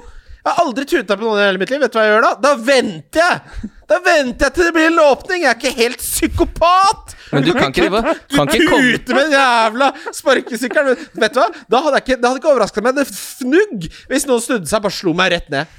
Så jeg går der, så har du Du har en vond dag, du har mista jobben, det er korona, du har ikke råd til husleie, du har satt penga på Manchester United utenfor topp seks, så er det noen som tuter på deg med sparkesykkel! Det er lov å slå! Ja, det er ikke greit. altså. Det er lov å slå. Nei, det synes jeg Men jeg syns ikke de skal kjøre på fortauet. De kan holde seg ute i veien. Nei, det tør jeg ikke. Plutselig havner jeg i trikkeskinnen, og da er det Det Ja, men da er du ikke egna til å kjøre noe som skal durer si og går i 22 Kim. På vei hjem nå, km i timen. på vei hjem nå så tar jeg en podkast. En god en. Så tar jeg Ja, for du har ikke noe lyd på øret her, det bare suser rundt. Jeg, jeg kjører jo ikke Jeg kjører jo litt sånne omveier, da. Sånn at jeg kjører jo ikke langs ringveien, liksom. Jeg Nei, du må ikke, må ikke rote det utafor Ring 3. Men uh, det, det mest nedrige er jo selvfølgelig når det er trafikk og det er oppoverbakke, og når du veier 129 kilo, og du må sparke på en elektrisk sparkesykkel. Det ser jo Ja, da, da er det én stjerne. Eh, Patrick Lund spør Hvis du må velge tre set and forget-spillere, hvem ville det vært? Oi. Oi. Uh, jeg jeg syns ikke det er Jeg syns egentlig ikke Set and Forget eksisterer uh, utover Trent, på en måte. Nei, det, er, det er Trent og Men- men- Werner, hvis jeg måtte svart. Trent, Werner, Sala er det jeg har svart. Ja. Ja. Jeg er helt enig. det- ja. Uh, ikke, uh, Jeg syns også det er kjemperart liksom skulle hatt Timo Werner på Set and Forget gjennom hele den sesongen her, første sesongen hans i Premier League. Så det er sånn Jeg, jeg syns ikke, ikke de spillerne eksisterer. Det er mer et uttrykk som ikke betyr egentlig det det betyr. Det betyr hvilke spillere er det man liksom kan ha og ikke ja, tenke altså, jeg noe syns det er videre om. Men, relevant på keeper. På keeper kan du ha set and forget. ja, men det har man jo. Ja, ja på keeper, så jeg bytter keeper når, andre, når valgkart, Eller først valgkartene kommer, men ikke Altså, keeper er det vanskeligste å gjette poengdistribusjonen. Det er derfor det er så vanskelig å holde på med sånn keeperrotasjon og sånne greier. Eh, Det er, de, de kan få mye poeng i vanskelige kamper fordi at det blir flere redninger, og de kan plutselig få seg bonus og alt mulig sånn. strafferedning Men, eh, plutselig. så du- den er liksom, jeg er heller ikke sånn som tenker liksom, ah, set and forget. Jeg, jeg tror i fjor så hadde jeg ingen spillere som var på laget mitt gjennom hele sesongen. uh, så jeg har heller ikke det, men liksom, hvis jeg må svare på spørsmål, så er det akkurat samme som deg. Trent, Salah, Werner. Uh, enkelt og greit. Men du er da med andre ord ikke noe tilhenger av roterende keepere? Nei, øh, det har jeg i hvert fall Jeg synes det har vært veldig vanskelig. Det det kan liksom Det er ikke sånn at jeg avskriver det fullstendig, men, men øh, Ja. Jeg, så, men jeg, jeg, jeg holder meg antageligvis til å ha én sånn fire-fem keeper. øh, og, og en Hvem er det? fire- Er det McCarthy for deg? Det er Jeg har skjønt Nei, det at McCarthy Ryan Ja, Ryan nå, men det er, det er fordi at jeg skjønte at det var litt usikkert med, med eh, McCarthy om man Altså, jeg har jo ikke lyst til å drive og måtte bytte eh, der, eller liksom plutselig eh, bli tatt med buksa nede en kamp hvor McCarthy ikke, ikke spiller. Fordi at det har kommet inn Hva det heter? Forster eller noe sånt? Ja, Eh, altså Han har kommet tilbake, de har lånt han ut for å slippe lønnskostnadene, og nå gikk ikke det lenger. Men jeg tror ikke han skal, er hentet, Han er ikke henta tilbake. Han er en, som en ubuden gjest. Han er som mugg på fiskegratengen. Dukker opp etter hvert. ja. eh, vi avslutter med et spørsmål fra Thomas Wold. eh, som er et klassisk wildcard-spørsmål. Og det liker vi. Vi er veldig glad i dere lyttere. Gi oss gjerne en rating på Apple Podcast hvis dere har lyst til det. Thomas Wold spør Hvis du bare kunne spist én rett resten av året, hvilken hadde det vært? Og så sier han hvorfor er det sodd? Og jeg vil ikke ha køddesvar her, jeg vil ha en ekte svar. Men er du veldig glad i sodd? Nei. Nei, da driter vi i sodd. Hvilken Kim? Jeg vet svaret for deg, i hvert fall. Vet du det? Ja, det er uh, det billigste kjøttdeigen du finner. Dolmio og First Price Spagetti. Nei, nei, nei, det er butter chicken fra Listen to Budget eh, på Frogner. Oh, ja. oh, den er god. Ja, den er ramgås. Er den beste jeg har vært borti. Uh, Sigurd. Altså, én rett Ja. Du må tenke at du ikke skal bli møkka. Tenk deg Ja, på dag 198 hvor denne feite butter chicken med garlic-navn Ja, kommer må til å bæsje hele tiden. Da må du Hæ? Ja, men det er jo så mye fett! Og må man på do av fett? Ja, det er klart det går rett gjennom. Ja, det sklir gjennom Ja, eh, det er jo det fett gjør. Oi. Ja, da har man lært noe. Dette, ja, nei, interessant eh, take. Nei, hvis man skal tenke liksom i det lange løp, så burde man jo spise knekkebrød med, med, med blir gulost, liksom, for da det er blir man jo line Da er man sånn som setter opp slakk line i Sofiemarparken, da. Ja, men jeg tror Tenk å spise knekkebrød hver igjen. Nei, nei. Du må jo Jeg syns svar- det første svaret er bedre. ja, Butter chicken, det kan jeg helt I verste fall så spiser jeg bare risen en dag, da, og nana. For det skal Ja, for det er, det er nan der. Ja. Ja. Ok, Sigurd. Nei, Jeg tror jeg bare hadde hatt noe pizza eller noe sånt. Jeg. Bare, Noe pizza eller noe sånt? Ja. Hva slags pizza? Ja, men det, Jeg altså, jeg hadde jo lagd den, jeg jo lagd den, selv. Da. ja, få høre. Ja. Baker du deigen selv? ja, det kan jeg gjøre. Det, hvis jeg hadde liten tid, så, så kjøper jeg ferdig deig. Men, eh, men er det hvit eller rød bunn? Eh, er, I hvert fall bunnen er jo gjerne lys, da, men, men, men sausen, sausen er som regel rød. Eh, Altså, du lager din egen tomatsaus? ja, ja da, er det, da er det en sånn boks med sånn uh, mutti-tomater. Altså verdt å betale de der ti kronene eller hva det er for å få Ja, ja. litt gode boksmater. Eh, og så skal ikke du koke eller noe sånt. Bare uh, Surre litt.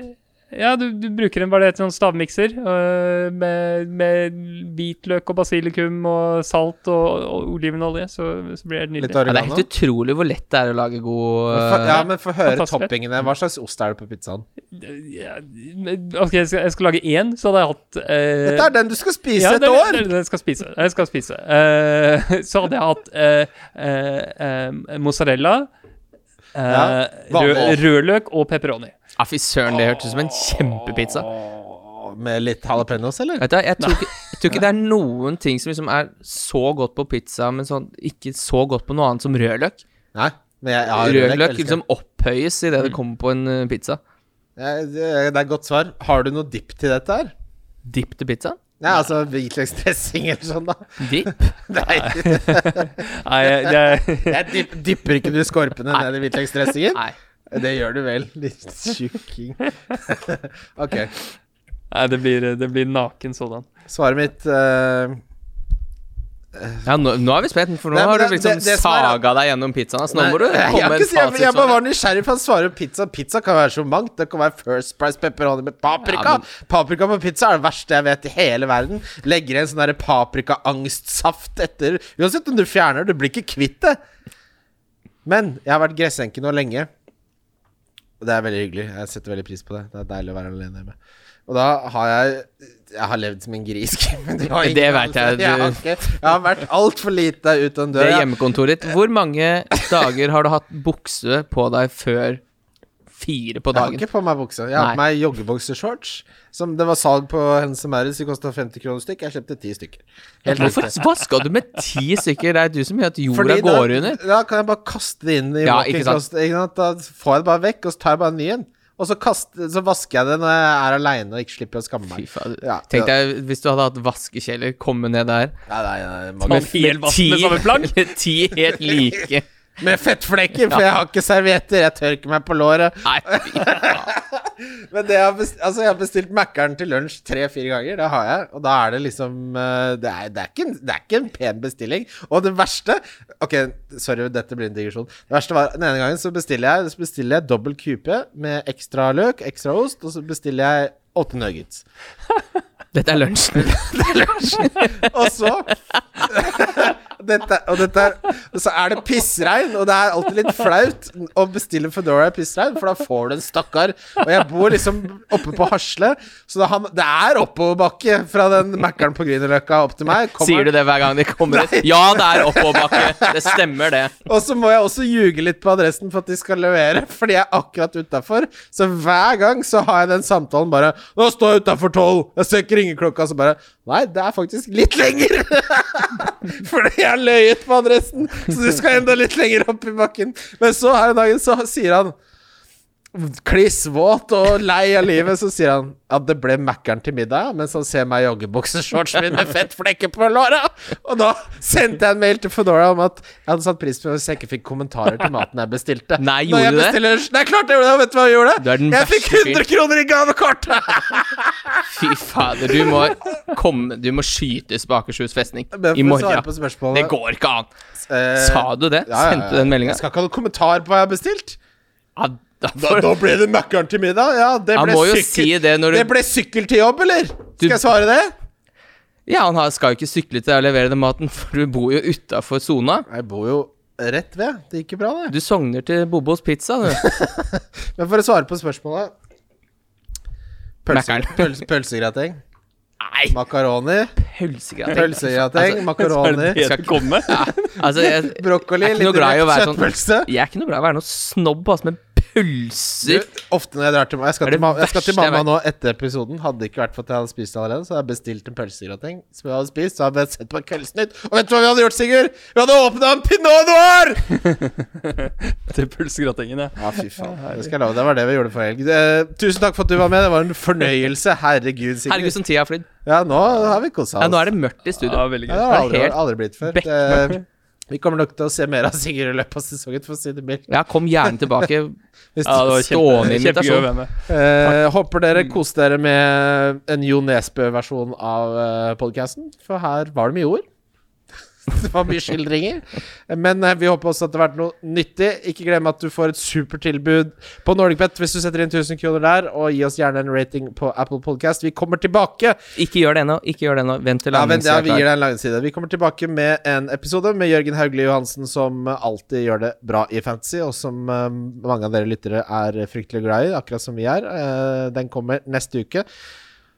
Fram til det, Kim, så er det jo bare å Ja, øh, kom dere inn i Wildcard FC slash NordicPet Open-ligaen vår. Som det kommer øh, Premien er ikke helt bestemt, men det er jo gratis å være med. Koster null og nada, trenger ikke noe som Ingenting helst. koster noe hos oss, det er gratis. Så bare kom dere inn der. Eh, I fjor så vant vel vinneren en fotballtur til England. Ja, det er Ole Moene. Så det er ganske ålreit uh, øh, premier der. Kom dere inn. Uh, vi kommer til å poste ligakode på Facebook og på Twitter. Takk for nå. Takk for nå, og takk for at du kom, Sigurd. Herregud, skal dere eh, jeg føler jeg, jeg er så mye lenger frem i skoa på laget mitt nå etter at du har vært gjest. Det er, eh, er, det er det som var meningen. ja, det, er bare, det, er for, det er for vår egen del. Veldig bra. Ha det. Ha det. Ha det. Wildcard FC. Wildcard FC. Wildcard FC. Wildcard FC. Wildcard FC.